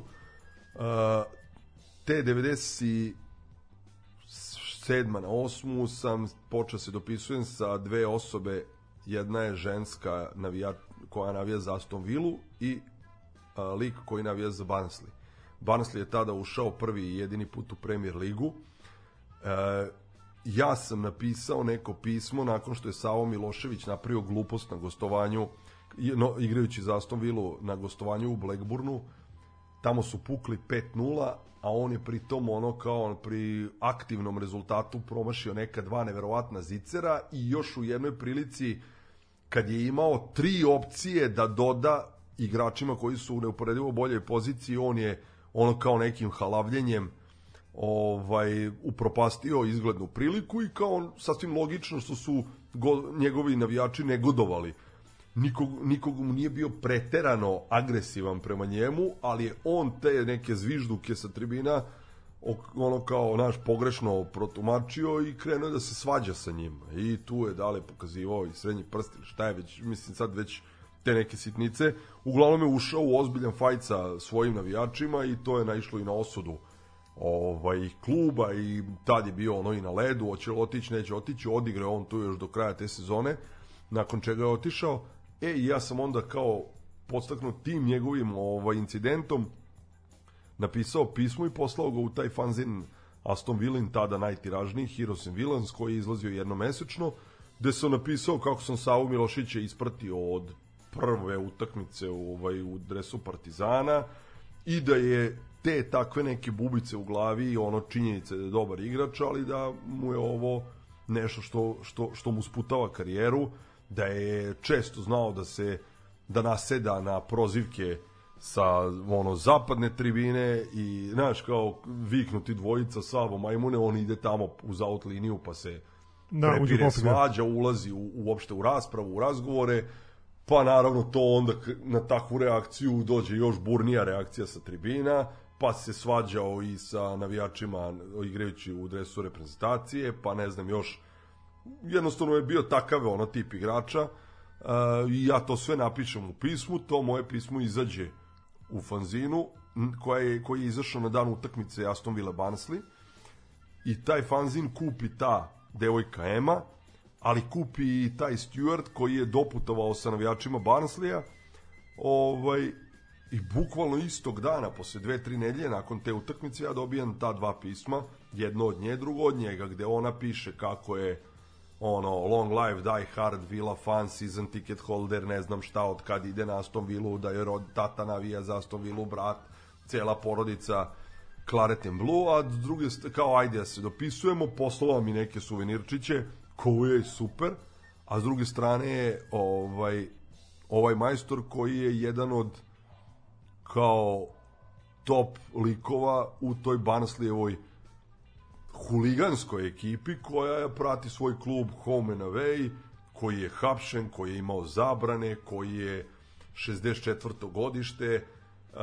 ko, uh, pratio i Englesku na gostovanjima, bio na svetskom i u ovoj Italiji i u Španiji, znaš, kao čovek onaj odrastao kraj 70-ih i 80 u vreme ono kao najluđih dešavanja na, na tribinama ovaj, na ostrvu. I ja uporedo se dopisujem sa te dve osobe i dve godine kasnije ta Ema dolazi prvi put u Srbiju. Ja je pozivam, ona dolazi ovamo, to je bilo mm, ono kao 2000-ta na dve- 2000 ovaj 2001 pardon. E, znaš, tek pao Milošević, pa kao krenule su te neke promene ili šta već. I onda ono kao njeni šokovi vodili smo je na par utakmica ovde, pa kad je videla stadion u Kragujevcu, znaš, kao ronulo, tribine se urušavaju, ona pita policajca na engleskom, izvinjam se, gde je ono ženski WC, ovaj Ovaj gleda. gleda belo, ne zna ni šta ga je pitala. Ja pitam, ovaj počeo se smeje, kakav crni WC, a ne ženski WC, razume, nema, kaže, idi otprilike ono gde da, gde da obavim nuždu, što dalje, razumeš, e, to je odgovor bio. Ovaj, jednostavno, ona je tih sedam dana, mi smo se tu trudili, ja i porodica i prijatelji, da je ugostimo i da je provedemo, to smo 24 časa bili, ona je došla sa još jednom prijateljicom, one su oduševljene bile i kao, ej, kad smo jedan dan otišli u Beograd, ona je s pričom, e, mo, ono kao, sad dolaziš ti kod mene. Ma rekao, okej, ali ja sam tri puta odbijen, neće mi dati vizu, nema šanse. Ne, I onda ona kao, ma kakvi kao, nema razloga ti ne daju, ajde da vidim zbog čega ti neće dati vizu. I tu smo se mi nešto kao ono više drugarski, ma neće mi dati, ma daći ti, gde je engleska, gde je britanska ambasada? Aha, ajmo tamo. Znači, to je tako iz bez veze, dok smo šetali Beogradom. Mi odemo tamo, dobar dan, dobar dan, ono onako, tad sam je prvi put video, inače ono kao, ej, ženska nežna, Tad sam je prvi put video onako malo otresitu, drčnu, kao kad se obratila portiru, kao molim vas, hoću da pričam sa bilo kojim engleskim službenikom, ona kao razlog, pa kao objasnit ću njemu, znaš, kao, molim vas, kao, znaš, kao ja sam britanski državljanin, pokazala pasoš, kao okej. I ovaj pusti unutra. Da, da, da, i uđemo mi zajedno. I tu nas primi neki čovek i on kao, izvolite, šta je? Pa kaže, i ona sad njemu objasni tu par rečenica, ovo ono. I kao, recite molim vas, šta treba da uradim, pa da ovaj, mom prijatelju uzvratim gostoprimstvo. Znaš kao. I onda ovaj ovako malo i bio zatečen pitanjem ovo, pa kao vi pošaljite pozivno pismo, ako je sve ok, ako zadovoljava sve što treba, i ona kao nema problema, ja vas držim za reč. Ona je slala i na britansku ambasadu i meni bukvalno nacrtala plan, program mog putovanja. To je bilo pismo na šest strana. A, umeđu vremenu, drugar iz Beograda se intenzivno dopisivao u to vreme sa jednim a, navijačem Boltona, koji je bio u Beogradu ovaj, tada već dva, tri puta i kojeg sam i ja upoznao i koji je takođe rekao, ej, super, kad budeš dolazio kod Eme, računaj da dođeš i kod mene, da budeš ovaj, i moj gost. Ne. I ona je u tom pismu sročila, bukvalno nacrtala sve. Ono, kao kad odeš u turističku agenciju pa dobiješ po danima. Šta radiš koji dan? ja sam bio skeptičan da će to da urodi plodom, da ću dobiti. Uz to ona je poslala i na ambasadu foto album sa slikama kako se ona provela u Srbiji, gde se zahvaljuje svima mojima, gde ne vidi razlog zašto, znaš kao zašto bi njoj bilo uskraćeno da meni uzvrati gostoprinstvo. I ja stvarno taj da ono kao mart 2002. dobijem prvi put vizual, znaš kao tad, ne, ono, šta je bilo da se me dobio 10 godina ranije, jel tako? A, Kako si se osjećao u tom trenutku? Pa, kao ono, kad mi ovaj rekao, zvali su me na razgovor, rekao, ajde, okej, okay, idem, onako sam ravnodušan bio, nisam uopšte se nešto previše sad kao, ej, bit će, neće biti, kako bude, bude, jer već sam tri puta prolazio kroz to, znaš kao. Kad je ovaj mene sam pitao, kaže, ej, ovde piše da ćeš ići na utakmicu na Goodison parku. Pa rekao, ako odem, trebalo bi da, ovaj, da posetim i Goodison park. Kaže mi taj službenik, samo mi je rekao, kaže, ok, slikaj se na stadionu, kad se vratiš, zanima me kao kako je na Evertonu, nisam bio par godina. I samo mi pružio pasoš, pasoš je već bio viziran. I kao srećan put. Ja u tom momentu ocekle mi se noge, ruke, ostao bez teksta, ne mogu da izađem napolje, ono suze krenule od sreće. Ja sam tek posle pola sata pogledao u pasoš, rekao jebote viza čoveče. ono, kao da sam dobio Znaš, uopšte ne mogu da poredim tu sreću, sad ne, ne, ne znam šta, šta je u tom momentu moglo da me više obraduje, znaš. Ja sam se ono, to je bilo ne znam koji mart, ja sam posle desetak dana putovao i sad taj prvi odlazak u Englesku gde ja provodim ono skoro mesec dana malo manje a, u tri porodice kod te Eme, kod tog drugara od drugara kod tog majka, koji je ovaj, isto jedno onako veliki gospodin i kod ovog Stewarta iz Banslija, ali koji se umeđu vremenu preselio u London i a, živeo je u to vreme sa a, ženom i detetom u Južnom Londonu. U toj turi sam pogledao, ne znam, 7-8 utakmica, obišao 30 stadiona, uh, znaš, kao sve odjednom, ono, kao sve što si možda trebao u, nekih 7-8 odlazaka da uradiš, ja sam ono kao nadoknadio u tom jednom odlasku, da je to bilo 24 časa akcije. Znaš, kao, ej, ajde samo malo da se dremne koliko organizmu treba, ustaj, kreći. Na, i, I dan kad nije bilo futbala, Mike je znao, e, kao danas obilazimo stadione, pa po Lancashireu, pošto je on ono predgrađe Prestona, ajmo, idemo od, ne znam, tih premijerligaških Barnleya, Blackburna, Boltona, ne znam, aj, tu je Viganov, e, pa idemo na Stockport, pa idemo na Oldham, pa idemo na Rochdale, pa Barry, pa ne znam, idemo i one nižaligaške, od Bamber Bridgea preko Čorlija do, ne znam, ovaj, Northwich Victoria, Viton Albiona, Altringema, znaš, kao od jednog, kao u dva dana milion svega, znaš, kao iz sa stadiona na stadion, s utakmice na utakmicu. Znaš, kao da si na drugoj planeti. I koji ti je stadion privukao najveću pažnju? Meni je i danas Aston Villa stadion možda najlepši premier Park. ligaški stadion Villa Park. Uh, lepa okolina, predivan park oko njega uh, i onda kad sevne ta monumentalna građevina sa crvenim stepeništem, crvene ciglice kao neka tvrđava, taj njihov Holt End, uh, jako dobar, iako je renoviran i sređen i unutra picnut, on je s polja stvarno zadržao taj neki Autentični stil. duh, tako je, stari i ta ono kao ono čuvena crvena ciglica i meni kao je to ono kao Stamford Bridge koliko god je šminka i iznutra i šmekeraj toliko, toliko to sve ima smisla znaš, nije mi e, ne sviđaju mi se ovi novi stadioni bio sam na novom Arsenalovom jako mi je krivo što nisam bio na Hajberiju bio sam ispred taj prvi put kad sam otišao kao prošli pored Hajberi, ali kao, bože moj, ajde doći ću sledeći put, pa ćemo znaš, kao, ako bude bilo prilike se nađe karta pa gleda Arsenal,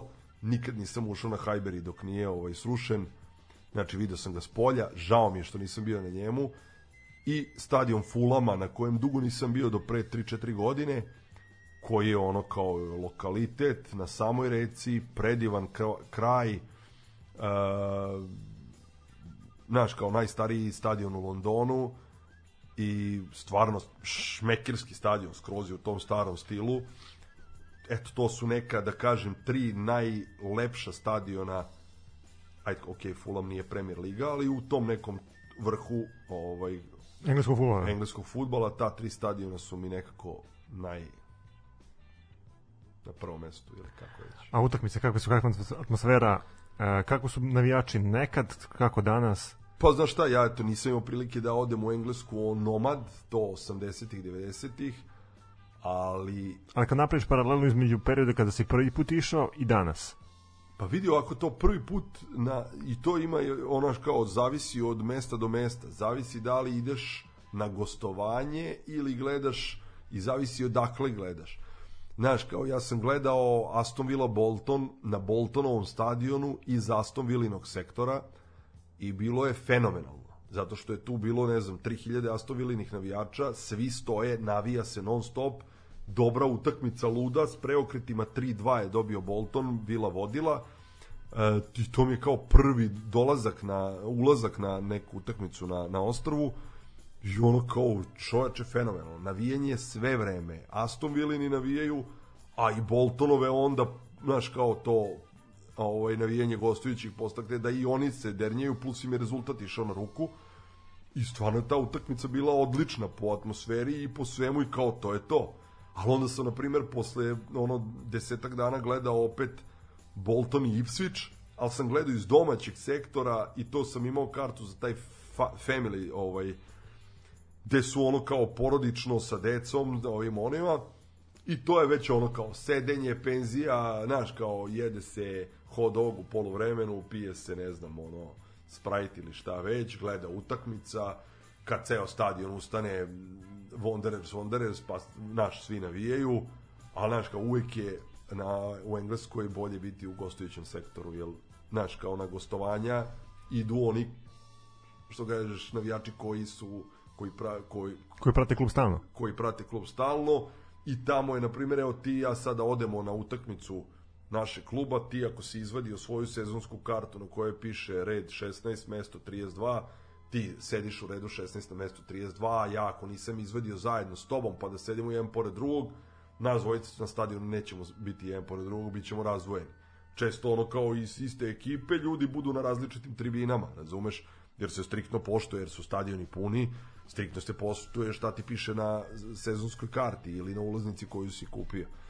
A, dok na gostovanja idu, ide ekipa, idu oni koji navijaju, koji pevaju, koji, znaš, kao i svaki put su mi gostujući navijači ti koji su ostavljali snažni utisak jer, znaš, kao na svakoj utakmici na kojoj sam bio posle, svaki put je maltene gostujući sektor pun, koliko dobiju karata, toliko ih ode, pogotovo to Premier Liga i Championship, znaš, kao to, je, to, to su sve brojke u hiljadama i to je uvek ono, sad samo, znaš, kao kad se desi da je baš nadmoćnost ono kao domaće ekipe, pa se ovi od starta ovaj su u minusu debelom, pa kao, znaš, onda je bilo tih tako kao, da ni gostujući navijači nisu nešto, bog zna šta, ali eto, imao sam sreće da, da, da gledam na starom Tottenhamu Portsmouth, Tottenham i Portsmouth, ali iz Portsmoutovog sektora fenomenalna atmosfera bila navijanje non stop. Znači, i to kao gledaš ljude koji su bukvalno im, imaš ima, im, da, kao stekneš kao da li njima ovo da ih gledaš sa strane mislio bi da je taj dan e, najbitnija utakmica u istoriji njihovog kluba. To se tako navijalo. Kao, brate, mili, znači ono skontaš da njima svaki tri dana ili svaki 7 dana tako. Ovo, a Tottenham dobio pritom 3-1, ovi su pevali kao blesavi, znaš, kao Portsmouth. A, drago mi je što sam bio na tom stadionu pre nego što je srušen, drago mi je što sam bio na Manchester City na Main Roadu, na starom stadionu u poslednjoj sezoni pre nego što je Manchester City otišao na Etihad. E, isto atmosfera na Main Roadu fenomenalna i tamo sam gledao Aston Villa super utakmica, jako dobro navijanje i domaćih navijača i Aston Villinih. Uh, drago mi je što sam bio i na Upton Parku, odnosno Bowling Groundu, gledao West Ham protiv Lica, napeta atmosfera, isto navijanje, odlično i ovi i ovi. Uh, eto, to je par tih stadiona za starih koji više ne postoje, a gde mi je drago što sam ono kao uspeo da da ih ukačim i da, da budem, fali mi samo Hajberi, ali ajde okej. Okay. Znaš, kao, A Wembley? Bio sam na Wembleyu par puta uh, na da kažem novom Wembleyu, jel ono nisam ga ukačio ono pre renoviranja, jel par godina je uh, ta finala su bila izmeštena u Cardiff uh, dok se Wembley renovirao, pa sam prvi put bio na Wembleyu 2010. ali tada sam bio u vrlo kratkom periodu dva puta. Gledao sam Aston Villa sa uh, Manchester Unitedom finale Liga Kupa, kad je Manchester dobio 2-1 to je 2010. i po onom nepunih mesec dana kasnije Chelsea Aston Villa polofinale FA Kupa 3-0 za Chelsea. A, a eto imao sam sreću i da idem u Cardiff da gledam finale Liga Kupa Manchester United i Wigan i to je isto kao ono totalno luda priča ono sad kako sam upoznavao ove one naše iz svih tih odlazaka tamo sad imamo ono kao 16 nekih novih prijatelja na novim lokacijama, mislim novih prijatelja koje poznajem 20 godina, na novim lokacijama i koji non stop zovu, ej, kad ćeš doći ovaj, pa da idemo na Vigan, pa da idemo na Čorli, pa da idemo na, ne znam, ovaj klub u Londonu, onaj klub u ovaj, Glasgowu i, znaš, kao, eto tako. Englezi imaju više tih kupova, FA Cup, Liga Cup, uh, Community Shield, ovaj, mene interesuje da li su oni stvarno posvećeni svim tim kupovima da zapostavljaju evropske utakmice, evropska takmičenja, jer očigledno kad pričamo o nekim izletima nekih manje poznatih engleskih klubova po Evropi, svi gledamo na to da kao njima to predstavlja neko drugo razredno takmičenje i da oni tu manje, manje više šalju neku rezervnu ekipu. Pa me interesuje kako Englezi gledaju na, na evropske utakmice, pošto pretpostavljam da imaju mogućnost da, da idu sa klubom gde god klub igra, ali opet nije to ista draž kao kad igraju protiv nekog svog rivala, jer on, kao što sam napomenuo, njima se futbal stalno dešava. Pa evo, konkretno, e, pre par godina, sad ono neposredno godinu, dve pre korone, zalomilo mi se da sam u kratkom periodu gledao 4-5 puta Chelsea na Stamford Bridgeu i bilo mi je zanimljivo da je, na primjer, ono kao ti ne možeš da kupiš kartu za Chelsea Crystal Palace, nema, ne postoji, znači prodata je za Premier ligu, ne postoji karta za Chelsea Burnley, Znaš, pritom kao Chelsea Burnley nemaju neki ono kao istorijat nekog ono kao da kažeš rivaliteta tog sportskog ovaj takmičarskog. A onda ulaznica za utakmicu Chelsea Ajax ono kao fenomenalna ulaz, utakmica koju je Ajax vodio 4-1 na kraju završena 4-4 ili godinu dana pre toga Chelsea Paok 4-0 za Chelsea gde su tebi ulaznice u slobodnoj prodaji uh, po ceni koja je duplo niža od cene ulaznice, najjeftinije cene za utakmicu Chelsea Burnley. Uh, Premier Liga je jednostavno ono kao iznad svega. Uh, I tamo je ono nauka doći do ulaznice.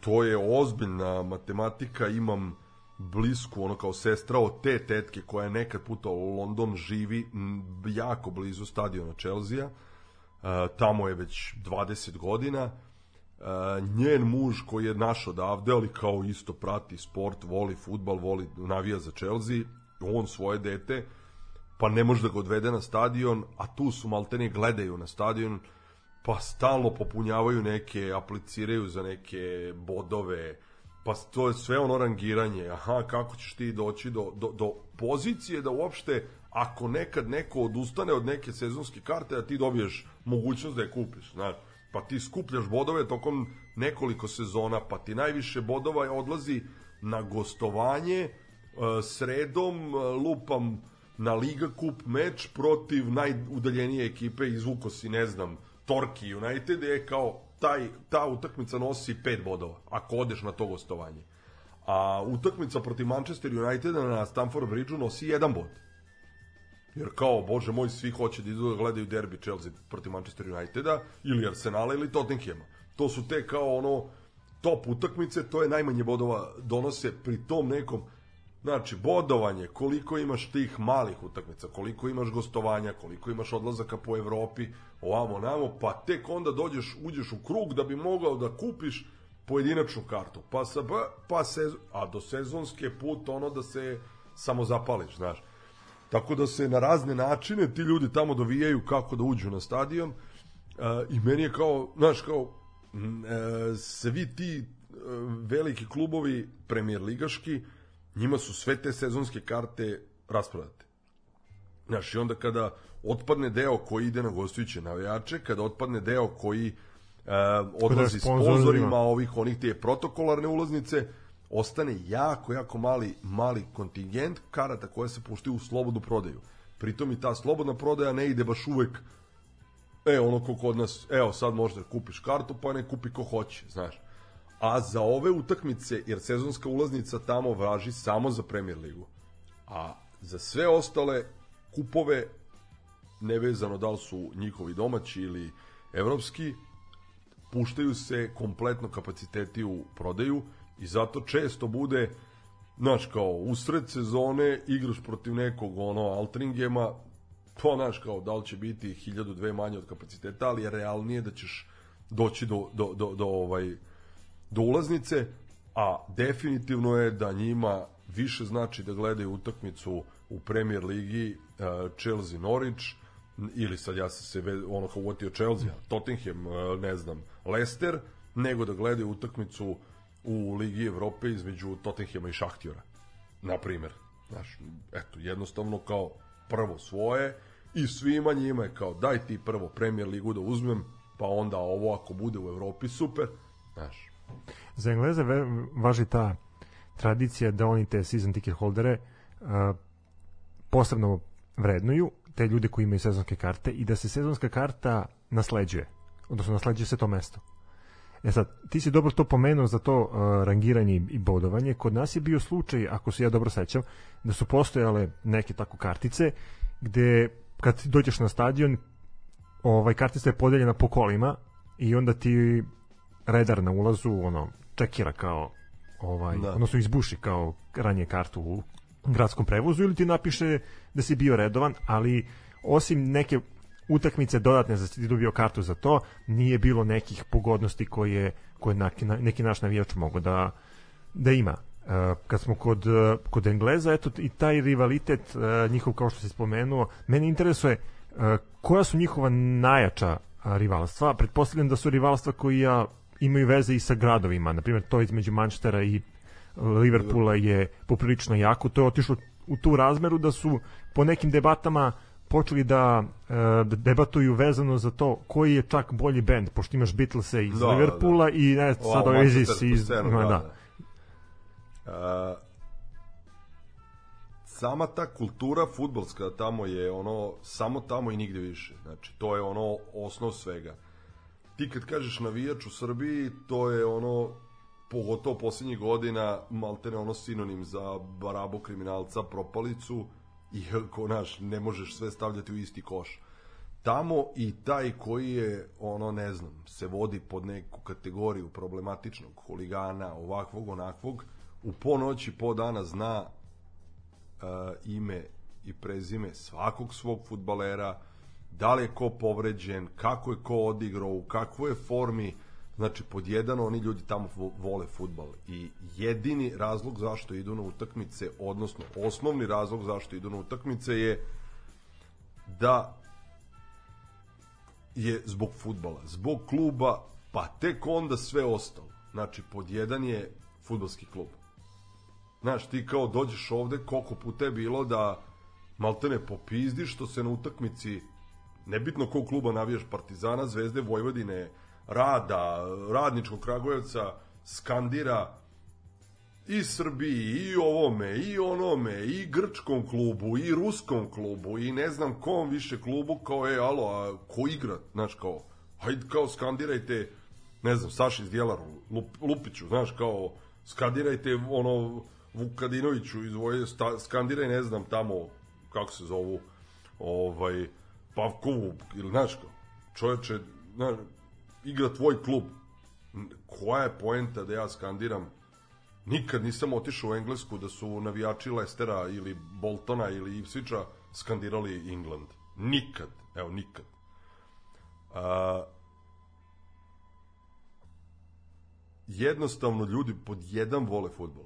Pa sve ostalo.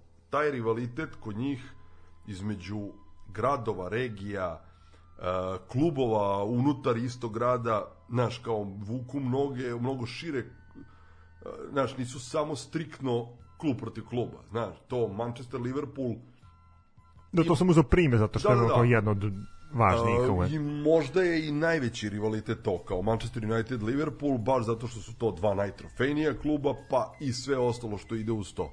A, ovamo u Londonu imaš, znaš, kao rivalitet brojnih klubova po regijama, pa ne znam, to Arsenal sa Tottenhamom, pa onda sa Chelseaem, pa Chelsea koji je sa Tottenhamom, pa ne znam, ovaj, znaš, kao ej, derbi Južnog Londona, pa derbi između West Hama i Milvola, pa derbi između West Hama i Chelsea, znaš, to su sad sve ono kao razlike u nijansama i znaš kao jednostavno taj derbi Manchester United Liverpool je verovatno najveći na, na, na ostrovu ali, ali sve ovo drugo takođe ima svoju draž.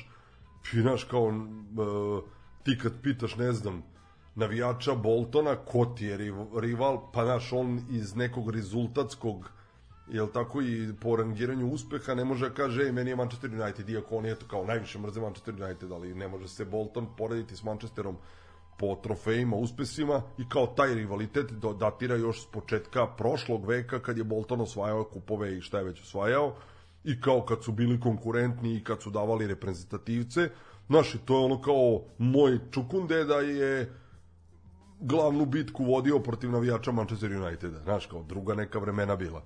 A, ali zna, kao se zna da ne vole se ni sa Prestonom zbog blizine gradova, ni sa Barnleyem, ni sa ovim, ni sa onim. Jako puno ima tamo tih ono nekih uh, rivalstava, ali je sve to jako zdrava rivalstva i sva imaju onako široku i priču i onako pravu futbalsku, znaš. A, moram se, a kao šta, šta smo kao krenuli kao pitanje? Rivalstvo. Pa da, znači, ono što sam ja, ja sam imao, imao sam Da ste vidio da, da, da isto jako rivalstvo između nekih klubova, onako baš do te granice da da se ono Vidi, ja sam Kako bio- možda kao Zvezda Partizan ili između Da, ostalog Vojna imao- Zvezda, Vojna Partizan. Da, da, ja sam imao prilike da, da gledam, ovaj, da budem na nekoliko tih, ono kao, pod navodnicima velikih derbija ili gde je utakmica, na primer, Aston Villa protiv West Bromwich Albiona ozbiljan ono rivalitet, a onda kao odem godinu dana kasnije na Aston Villa protiv Birminghama gde je to sve podignuto na, na ono kvadrat, razumeš? vrlo zeznuto, vrlo opasno, e, kao ono Partizan Zvezda iz 90-ih, ne vidiš ko koga mlati, gde je jurnjava, frka, policija, ej, lete kamenje, lete cigle. To je bilo 2004. godine kad sam gledao, kad sam gledao Aston Villa Birmingham. Uh, a onda mi kažu, ej, kao, e, da vidiš kako je na West Bromwich protiv Wolverhamptona, pošto su West Bromwich Wolverhampton kao glavni rivali, a ovamo su Villa i Birmingham, a imao sam prilike 2007. da gledam Wolverhampton Bristol City, gde je bilo kao neverovatno, onda kao, jel ima nekog rivaliteta, da ima neke tradicije, nešto, pa ne, kao, došlo 4000 Bristol Cityjevih, pun Molinju, druga liga su, ono, championship, i nereda na ulicama, i ono, policije, i hapšenja na stadionu, i uletanja u teren, kao, znaš, n- ne možeš reći ni iz čega, ali ta, znaš, kao, kao, kao pa zašto? Kao sad da se desi radnički Kragujevac Spartak. Evo sad, da li zamisliš da ono krcat stadion, da je došlo 4000 navijača Spartaka u Suboticu, u, ovaj, u Kragujevac, i da su ono ceo dan tenzija i neredi. E to je tako bilo 2007. 3. novembar, taj dan je Cox Parer promovisao a, tada novi album. Mi smo ono kao iz e, Srbije išlo nas desetak na taj koncert, a ja sam otišao i na utakmicu. Oj, kao to mi je bilo ono neshvatljivo, kao je moguće Wolverhampton Bristol City. E, imao sam priliku i mogu da kažem i čast da idem na nekoliko gostovanja sa Millwallom, te, ta, taj prvi odlazak u Englesku 2002. e, kad sam otišao da gledam e, u aprilu tri kola pre redovnog kraja ovaj prvenstva u čempionšipu e, Coventry Millwall su igrali. Millwallu je trebala pobeda za baraž za tadašnji play-off. E, čak im je i nerešeno igralo. E, oni su dobili 1-0, utakmica se igrala petak veče, njih je otišlo 3000 tamo, totalno ludilo. Znači, i navijački, i pesma, i ne, znači, onako ono, i, i, i stalno imaš osjećaj kao bog te mazo, pa je moguće da je to tako na utakmici koja jeste bitna, ali znaš kao šta bi bilo da je još znaš da Da osvajaju da. nešto, na.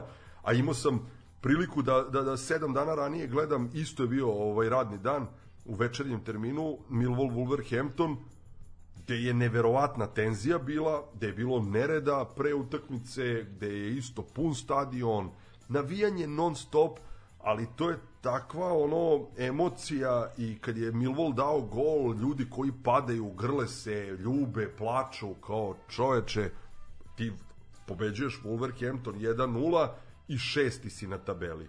Znači, ne osvajaš titulu, ne ulaziš u Premier ligu, nisi, ne znam, kakav istorijski uznik, kao, ej, kad pogledaš jedna obična utakmica, evo sad kao, znaš, da je Vojvodina protiv Voždovca i ti daješ gol 1-0 i da gledaš ljude koji jedan preko drugih padaju i grle se i vrište, ciče, plaču i kao ono, znaš kao, jednostavno, i onda stvarno vidiš da, znaš, da to nije iz nekog fazona, niti da je to nešto kao ono iz, iz, i, e, isforsirano, da, isfurano, nego da je to stvarno njima jako znači, da je to ono skroz drugačije nego bilo gde, znaš, kao ja sam takve izlive emocija doživljavao kod nas, ono kao, ej, Partizan da zvezdi gol u 90. minutu. To je otprilike to. Ne znam s čim bi ga drugim poredio, A u Engleskoj sam to sretao upravo na tim utakmicama koje su po meni ono kao, znaš, možeš misliti Millwall Wolverhampton 1-0. Eto, to, je, to, to mi je bilo ono kao, gde ti skontaš da je to stvarno futbalski druga planeta. E, drago što se spomenuo Millwall, uh, oni imaju jako kontraverznu priču oko sebe, pritom u prošlosti su imali isto uh, poprično problematične navijače, ali su igrali Evropu. Igrali su, mislim, u Budimpešti protiv Ferencvaroša i to je jedini njihov izlazak u Evropu. Ako uzmemo taj neki Tako je, 2000, moderni 2004.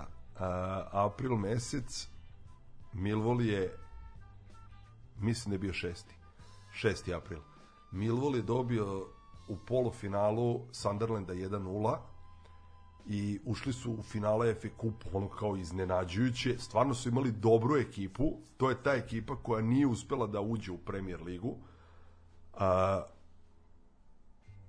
godinu i po pre. I tih par sezona su bili u vrhu čempionšipa, u tih, da kažem, prvih 7, 8, 10 ekipa. I ušli su u finale FA Kupa, što je kao istorijski uspeh kluba. Izgubili su to finale koje se igralo u Cardiffu od Manchester Uniteda, a pošto je Manchester United išao u Ligu šampiona, Millwall je dobio priliku da igra u tadašnjem, kako god se zvao, Evropski kup, a nije kup kupova, nego neka preteča Ligi Evrope. Tako nešto, da. ono, kup UEFA, Liga UEFA, ne znam. A, utakmica igrana jedna tamo, jedna vamo, ja sam išao u Peštu, išlo je nas iz Srbije, onako, bilo je ljudi, kako se ko organizovao i za upad i za ovaj kako se zove odlazak nas je troje četvoro, četvoro nas je išlo odavde iz Novog Sada preko drugara koji su uh, u, koje znamo iz Mađarske kojima smo mi sređivali neke akreditacije ulaznice za ovaj utakmicu u Srbiji. Uspeli smo da dobijemo ulaznice za da, da se dokopamo ulaznica za taj meč ovaj na starom Ferencvarošovom stadionu Albert stadion, tako da. pod ne znam Da. kako se zove stadion taj današnji Da, je Albert Florian, Florian, da, da, da, jeste. jako ono ne liči na one, ono je bila prava ona ruina ovaj iz vremena ono kao znaš ono iz tog DDR istočnog bloka ono kao da gledaš stadion ono neke ono kako se zove ovaj istočno nemačke lige da. znaš kao. Uh, stvarno ruiniran jako puno navijača Milvola došlo ih je ne znam oko dva soma to im je bio jedini izlaz ikada u Evropu. Uh, Milvol je izgubio tu utakmicu 3-1 u Londonu je bilo 1-1 ispali su ali eto kao ono upisali smo bili smo da gledamo Milvola u Evropi. Ovaj Kad smo kod Budimpešte, ti si sad bio u Budimpešti, gledao si Mađarska, Engleska. da Prošli ceo ovaj COVID. pre fazon. mesec dana Da. da. Ovaj, pa me interesuje kako Mađari organizuju tu utakmicu, kako je kod njih bilo. Uh, Meni engleskih bilo- navijača nije bilo. Mm, bilo je mi zabranjeno i ta komplikacija oko povratka Engleza, mis, pra, problem su kao povratak Engleza je pov, problem Da, njihovo, kući. njihovo stanje u zemlju, tako? Tako je, tako je. Jel tamo oni kao, ne znam, zahtevaju, e, aha, ako si otišao tamo, kad se vratiš moraš, ne znam, kakav karantin, ovo ono, pa je onda odlučeno i e, sa Fu- Fudbalskim sajezom Mađarski da uopšte ni nema prodaje karata za, za gostujući sektor. Uh, opet preko tih prijatelja koji su ovaj tamo Mađari koje znam dugi niz godina nabavio sam dve ulaznice i bio poprilično šokiran što ono kao grad koji je na dva i po sata vožnje od Novog Sada, država koja, s kojom se graničimo, ne postoji, niko ne pominje koronu, ne, nula, znači korona ne postoji. A, niko nije pitao ništa, ni na ulazu u zemlju, ni na stadion, ni a, znaš, kao, mi smo ulazili i u tržni centar koji je preko puta, tamo smo parkirali kola, pa kao u tom tržnom centru i klopali, krcat restoran, krcat tržni centar, krcat tramvaj, krcat podzemni, sve prepuno, Reku, čemu je fazon? Ja pitao tog ovaj, prijatelja od Andere, kojim samo molim te reci, kaže nema ovdje jednostavno u, u aprilu pred ovaj evropsko prvenstvo ovaj njihov stručnjak rekao od danas više korona nije ono kao Primarna vest. vez da. broj 1 ok, spomenut će se negde ali to je to, vakcinisali smo dovoljan broj ljudi dovoljno je bilo njih koji su prošli kroz nas, streli se ovih godini i po dana kroz ovaj sa koronom, e, zdravstveni sistem može da podnese ovaj taj ta, ono broj bolesnika i kao oni se s tim nose i sad kao kako tamo, zašto tamo ne kukaju, ovde kukaju? Nemam pojma, eto sad to ne, ne znam da. Englezi su oprali Mađare. uh, vrlo lagano, baš je delovalo onako uh, znaš, da Mađari nisu imali ni jednu ozbiljniju šansu, a pritom su Mađari odigrali vrlo korektno ovo prvenstvo sad ovo evropsko uh, ni jednu ozbiljniju priliku da kažeš ono ni jednog momenta je, prvo poluvreme samo bilo ono kao tvrdo i Mađari koji se onako organizovano brane i ti znaš sad kao čim padne prvi gol Engleza, jer nema šanse da će ga Mađari dati, da tu onda će se samo brojati koliko će do kraja biti, jer ovi će se kao otvoriti i tako je stvarno i bilo. Kako je krenulo drugo poluvreme, kad je prvi ovaj pogodak e, pao, do kraja moglo da ih bude 7, bilo je 4, Englezi dobili lagano 4-0.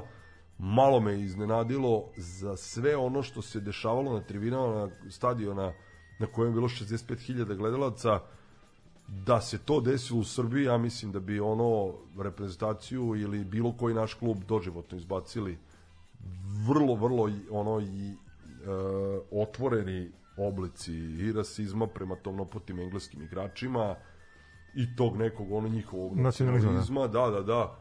To je tamo kao aktuelan fazon, ali mi je ono kao stvarno, sad nisam dalje pratio da li je, znam da je bilo po medijima kao, ne znam, da su Sterling, Bellingham, ovi oni koji su već tamo tamo poti igrači bili ovaj kao izloženi bili rasističkim uvredama sa tribina. Meni je ovaj nisam ispratio da li je Mađarska kažnjena i nekako sankcionisana za za te ispade. Siguran sam da bi eto prvi Partizan ono dobio dvogodišnju zabranu samo zato što je za taj ono kao Incident i- vezan incident- na osnovi osnovi. Da, da, da, da, da, sigurno. E, tokom ovog razgovora našeg ja sam dobio dve poruke. Jedna je vezana za dresove. E, neko je poslao poruku koji ti je dres e, najlepši i koji ti je bio najznačajniji u, periodu kad si počeo da pratiš e, engleski futbol. A druga je bila vezana za memorabilije. E, da li Englezi više vrednuju ulaznicu ili program? E, dresovi ti koji su bili 80-ih. i- Pa ili evo, Ne, ne, ne, ja kažem 80-ih dresovi, to je neprevaziđeno. E, to dok je Umbro bio taj koji je ovaj bio broj 1 e, sportska marka na ostrvu i taj engleski dres sa svetskog prvenstva u Meksiku to mi je ono savršenstvo na primjer. A, i, znači 86. takođe i dres e, taj atipični sa tom ovaj gore plavom i crvenom prugom je sa, iz Španije 82. mi je isto fenomenalan već ono kao 90. Italija i, i ona kako se zove posle toga šta je bila v- ne Ameriku nisu 90, igrali, Amerika nego 98 kasnije, ono, Francuska. već, već mi to nije bilo to. A, svi klubski dresovi kraj 80-ih, početak 90-ih, fenomenalni. Znaš, kao ti, st- stvarno kad se setim, ja sad kao, pogotovo kao klinac, a, kad sam tad video taj rezervni Manchester City of Bale dres Umbrov, predivna, onako mala V izrez reklama, ova V izrez i da. bez, bez reklame, a na neke tanke e, crvene i crne prugice ono kao dres koji možeš svatove da nosiš. Znaš, pa onda ne znam, ovaj isto Chelsea dres, ali je bio Le Coq Sportif isto fantastičan. Sećam ga se iz tog perioda. Uh, znaš, nikada nisam bio ono nešto sad kao fan pa da kupujem i skupljam dresove i da mi je to neka ovaj strast, nikad nisam dresove nosio, bili mi ono kao sintetika gde da ga nosim, znaš, kao na utakmicu redko kad sam nosio dres, nisam neki ono kao da kažem vrsni Da igrač, to, pa, da. da, da sam išao na rekreaciju, pa sam igrao u dresovima, iako imam kod kuće 20 dresova koje sam dobijao i vrlo su mi dragi, zato što su od nekih klubova koji su ono atipični ili su dresovi koji nisu ono česti poput ono dresa Čorlija, Bamber Bridgea, e, ne znam, Hellzovena, to su sve niželigaški engleski klubovi, pa ne znam, e, imam ono kao repliku dresa Aston Ville sa finala ovaj kupa šampiona 82. pa ne znam, repliku uh, ovaj Hull City-evog nekog dresa iz ne znam koje godine. E tako, to su mi više neki onako suveniri koji su mi dragi. Uh, danas mi ovo malo, ne sviđa mi se, malo se preteruje previše. Znaš, volim ono kao klasika, ono što Brighton, na primjer, ima ove sezone, to mi je dobar dres. Znaš, kao čisto, plavo, daj ono kao prugice, tri, čao, zdravo, nemoj da mi puno filozofiraš Uh, znaš, kao nije loš ni ovaj Chelsea što su igrali neki dan Ligu šampiona, ali ga ja ne bi nosio, razumeš, ali kao okej. Okay. Uh, nerviraju me te fluorescentne varijante uh, izmišljanja trećih boja, ali to je sad sve komercijalna ono kao crta. Uh, kad ti, aha, za Ligu šampiona ova garnitura, bio mi je fenomenalno onaj dres Chelsea plavi kojim su igrali FA Cup uh, kad su pravili jubilej, razumeš, kao ono jako dobro izgledao. Da, da, kad smo kod jubileja, 2020. da, kad smo kod jubileja, ja se sećam onog Millwallovog za 100 godina kluba. Da, da, da. gde je da. bio sa, sa imenima svih igrača koji su ostavili neki trag u, u klubu. Ne, sve to, i sve to ima nekog smisla tamo, niko, na, meni ono kao neshvatljivo, Partizan se slikao uh, nedavno, pre desetak dana, kao kompletirali su ekipu, ekipna zvanična fotografija futbalera Partizana je u crnoj opremi. Pa kao, da li je moguće ono, okej, da ti je to jedna od boja, ali u čemu je fazon što se nisi slikao u crno-beloj? Znaš, kao, Da, pritom se taj dres kao navodno promovisao da, da, kao da, nešto da, se i novo kao, ej, desilo. ovo je novi dizajn Partizanovog dresa i ti umesto da potenciraš taj dres, Partizan od 20 utakmica ove sezone je u tom dresu u, koji ti je kao novi, koji je drugačiji onog, od onog standardnog prugastog, igrao pet puta i pritom ne uradiš timsku sliku u tom dresu, nego uradiš u kompletno crnom. Ne, ja mislim da to u Engleskoj ne može da se desiti. Zamisli Manchester United da izađe i da, da se uslika timska slika u trećem dresu. Znači, šansi nema da se desi.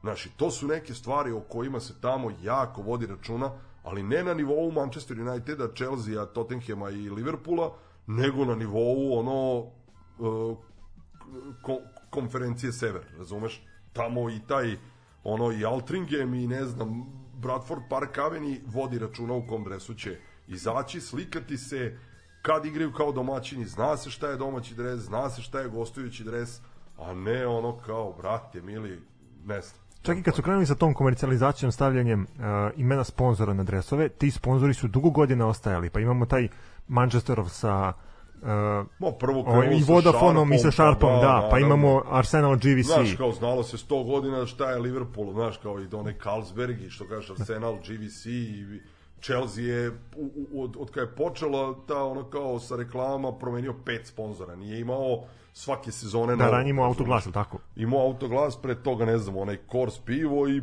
pre toga Commodore i kompjuteri. Ćao, to je to, razumeš? I sad ovo je, sad šta su one neke osiguravajuće kompanije ili šta su već, ni ne znam šta ona trojka, ne pojma. A drugo pitanje za memorabilije, šta je važnije, ulaznice ili program? A, Na šta više obraćaju pažnju, šta ih ono više... Vidim da jako pizde na ove digitalne varijante ulaznica, jer imaš ono opciju koliko god to olakšava varijantu i uopšte izbacuje onu varijantu, ej, kupio sam kartu, pa čekam da mi stigne, pa ne znam šta, toliko masovno navijači pizde na to što ono kao, ej, ulazim na, na, na, Na bar kod. na, bo- na bar kod na mobilnom telefonu, znaš. I ovaj, E, bojim se da će za par godina da se ono fizičke ulaznice maltene izbace iz upotrebe, ne bi voleo, nadam se da neće, ali nekako mi naginje da sve ide u tom pravcu. E, a što se programa tiče, rade ga svi klubovi od kad postoji futbala za sve žive utakmice. Jeste da je na par uh, od tih malih ekipa ono zbog finansijskog momenta uh, ne rade redovno nego ga rade na primjer jedan program za dve domaće ili ga rade kao PDF pa ti imaš opciju znaš, ali uglavnom od ono ne znam 90% klubova radi program na 90% utakmica su svi ti programi uh, rastureni, rasprodati ljudi i dalje to imaju kulturu kada ode, zna se kupit ću program uh, ako ima ispred da neko prodaje i fanzin, kupit ću i fanzin. Znači sad ono kao da li više poklanjaju pažnju e, skupljanju ulaznica ili programa, nekako mi je to neodvojivo, znači ti dalje tamo imaš ono po engleskoj sajmovi na kojima se um, razmenjuje i trguje samo futbolskom memorabilijom, tim tako programima, znaš, kao odeš ispred Stamford Bridge-a, uh, kad god sam otišao, isti čiča je sa ozbiljnom tezgom na kojem, na kojem je milion Chelsea-evih programa i to je najzauzetija tezga do samog početka utakmice. Znači, i ti onda skontaš koliko je to tamo ozbiljna stvar. Kod nas programi su već izbačeni iz upotrebe, ulaznice su takve kakve jesu. Nas eto uvek obraduje kada vidimo neku ulaznicu mahom manjeg nekog tima koji uđe pr u prvu ligu, pa napravi neke onako interesantne ulaznice, mahom su ove digitalizovane koje radi Ticket Line, ono već generične, da, da. šablonske, da. Samo se promeni ime i promeni datum i to je to. Ovaj, a, zanima me, eto, pošto se prolako privodimo kraju naš razgovor, a, knjigu Moja engleska možemo da naručimo preko interneta online, da li će biti u slobodnoj prodaji u nekim knjižama? Ja sam, eto, knjigu, ne mogu kažem da sam planirao da pišem. Ceo život nešto piskaram. Stvarno skupljam ulaznice sa svake utakmice na koje sam bio od kad sam otišao na prvu. Znači ja u poslednjih 35 godina imam sve, sve ulaznice.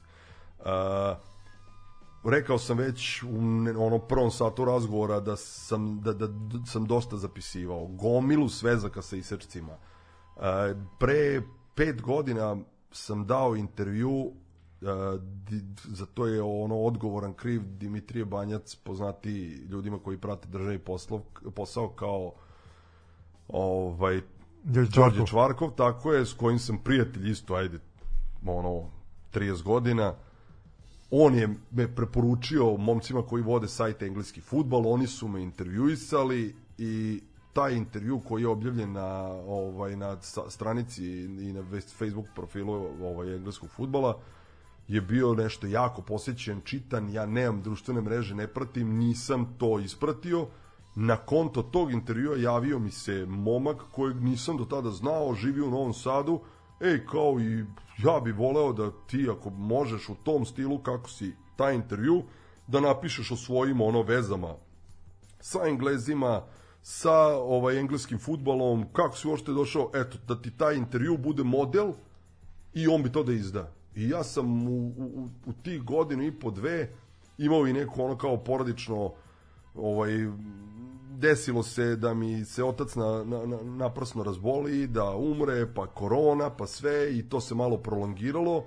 I ja sam ovog proleća tu knjigu završio. Stvarno sam eto, ono kao krenuo od najranijih sećanja uh, dodira sa futbalom i dodira sa engleskim futbalom i dosta tema o kojima smo večeras pričali sam provukao i spomenuo i došao do, do, do, do, do ono kao te neke 2002. i mog prvog odlaska u Englesku i šta sam sve prošao i doživeo tamo on je bio prezadovoljan tim tekstom i otprilike mi rekao, ej, nemoj, imamo dovoljno materijala, uh, pritom je tražio, on je pročitao knjigu i pitao me po segmentima, ej, jel imaš čime da ilustruješ ovo, pa ovo, pa ovo, ja sam imao bukvalno sve što je on tražio, da li isečak, da li e, crtež, da li neku zabelešku moju ili pismo od Stuarta ili od TM ili fotografiju, ulaznicu, program.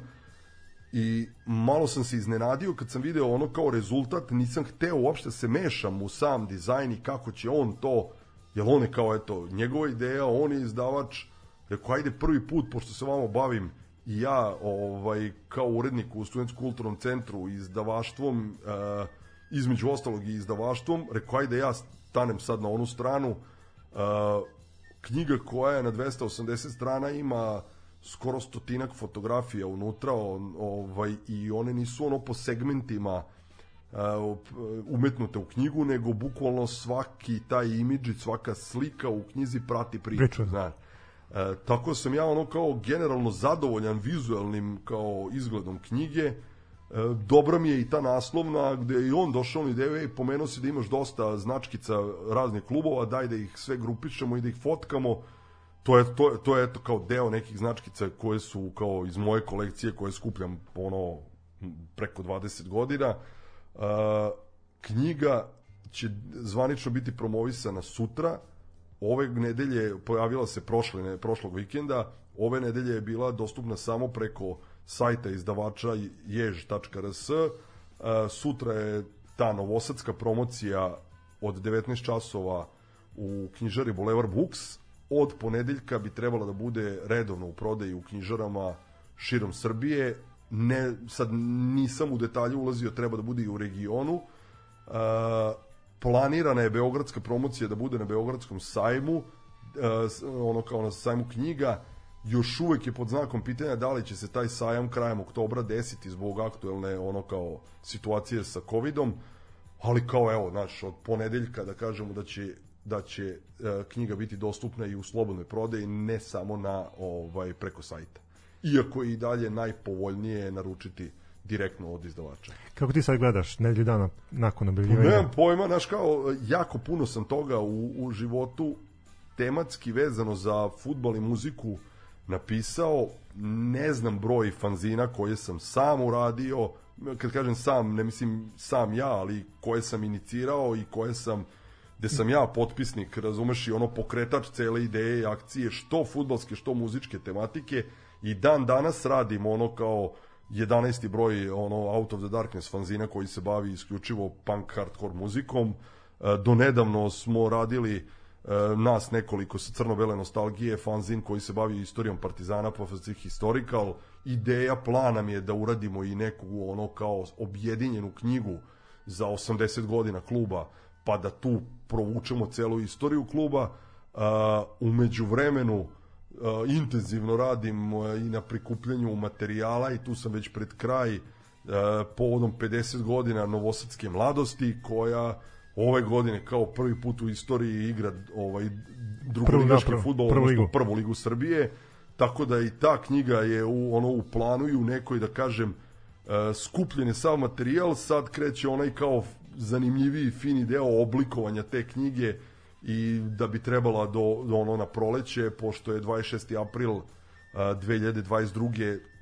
50. Uh, rođendan fudbalskog kluba sa satelita tad bi trebalo, do tada treba, treba da se pojavi i ta knjiga a sad kao već me pitaju ljudi ej kad pišeš sledeći deo ove stante polako znaš kao Ima vremena. ima vremena, a imam par još nekih ono kao ideja, projekata već započetih i akcija u kojima sam uveliko koje su ono tekuće i koje treba da se dese. E pa super, meni je jako drago da smo imali priliku da te ugostimo ovde.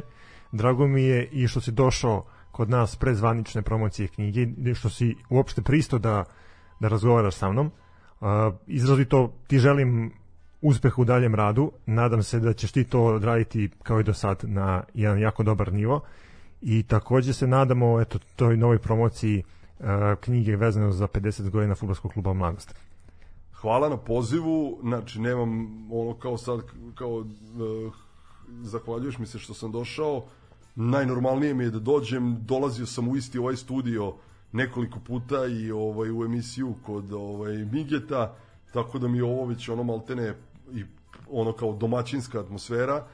Ovaj a evo ono kao hvala i na svim tim dalje željama, pa ćemo vidjeti ono kao idemo, guramo pa jedno po jedno. E pa, dragi slušalci, ako vam se svidela ova priča koju smo Igor i ja vodili večeras, vi brzo u Boulevard Books možete tamo kupiti svoj primerak knjige, možete naručiti online, čitajte moju englesku, pratite sportski pozdrav, a mi se slušamo ponovo u redovnom terminu od ponedeljka u 19 sati.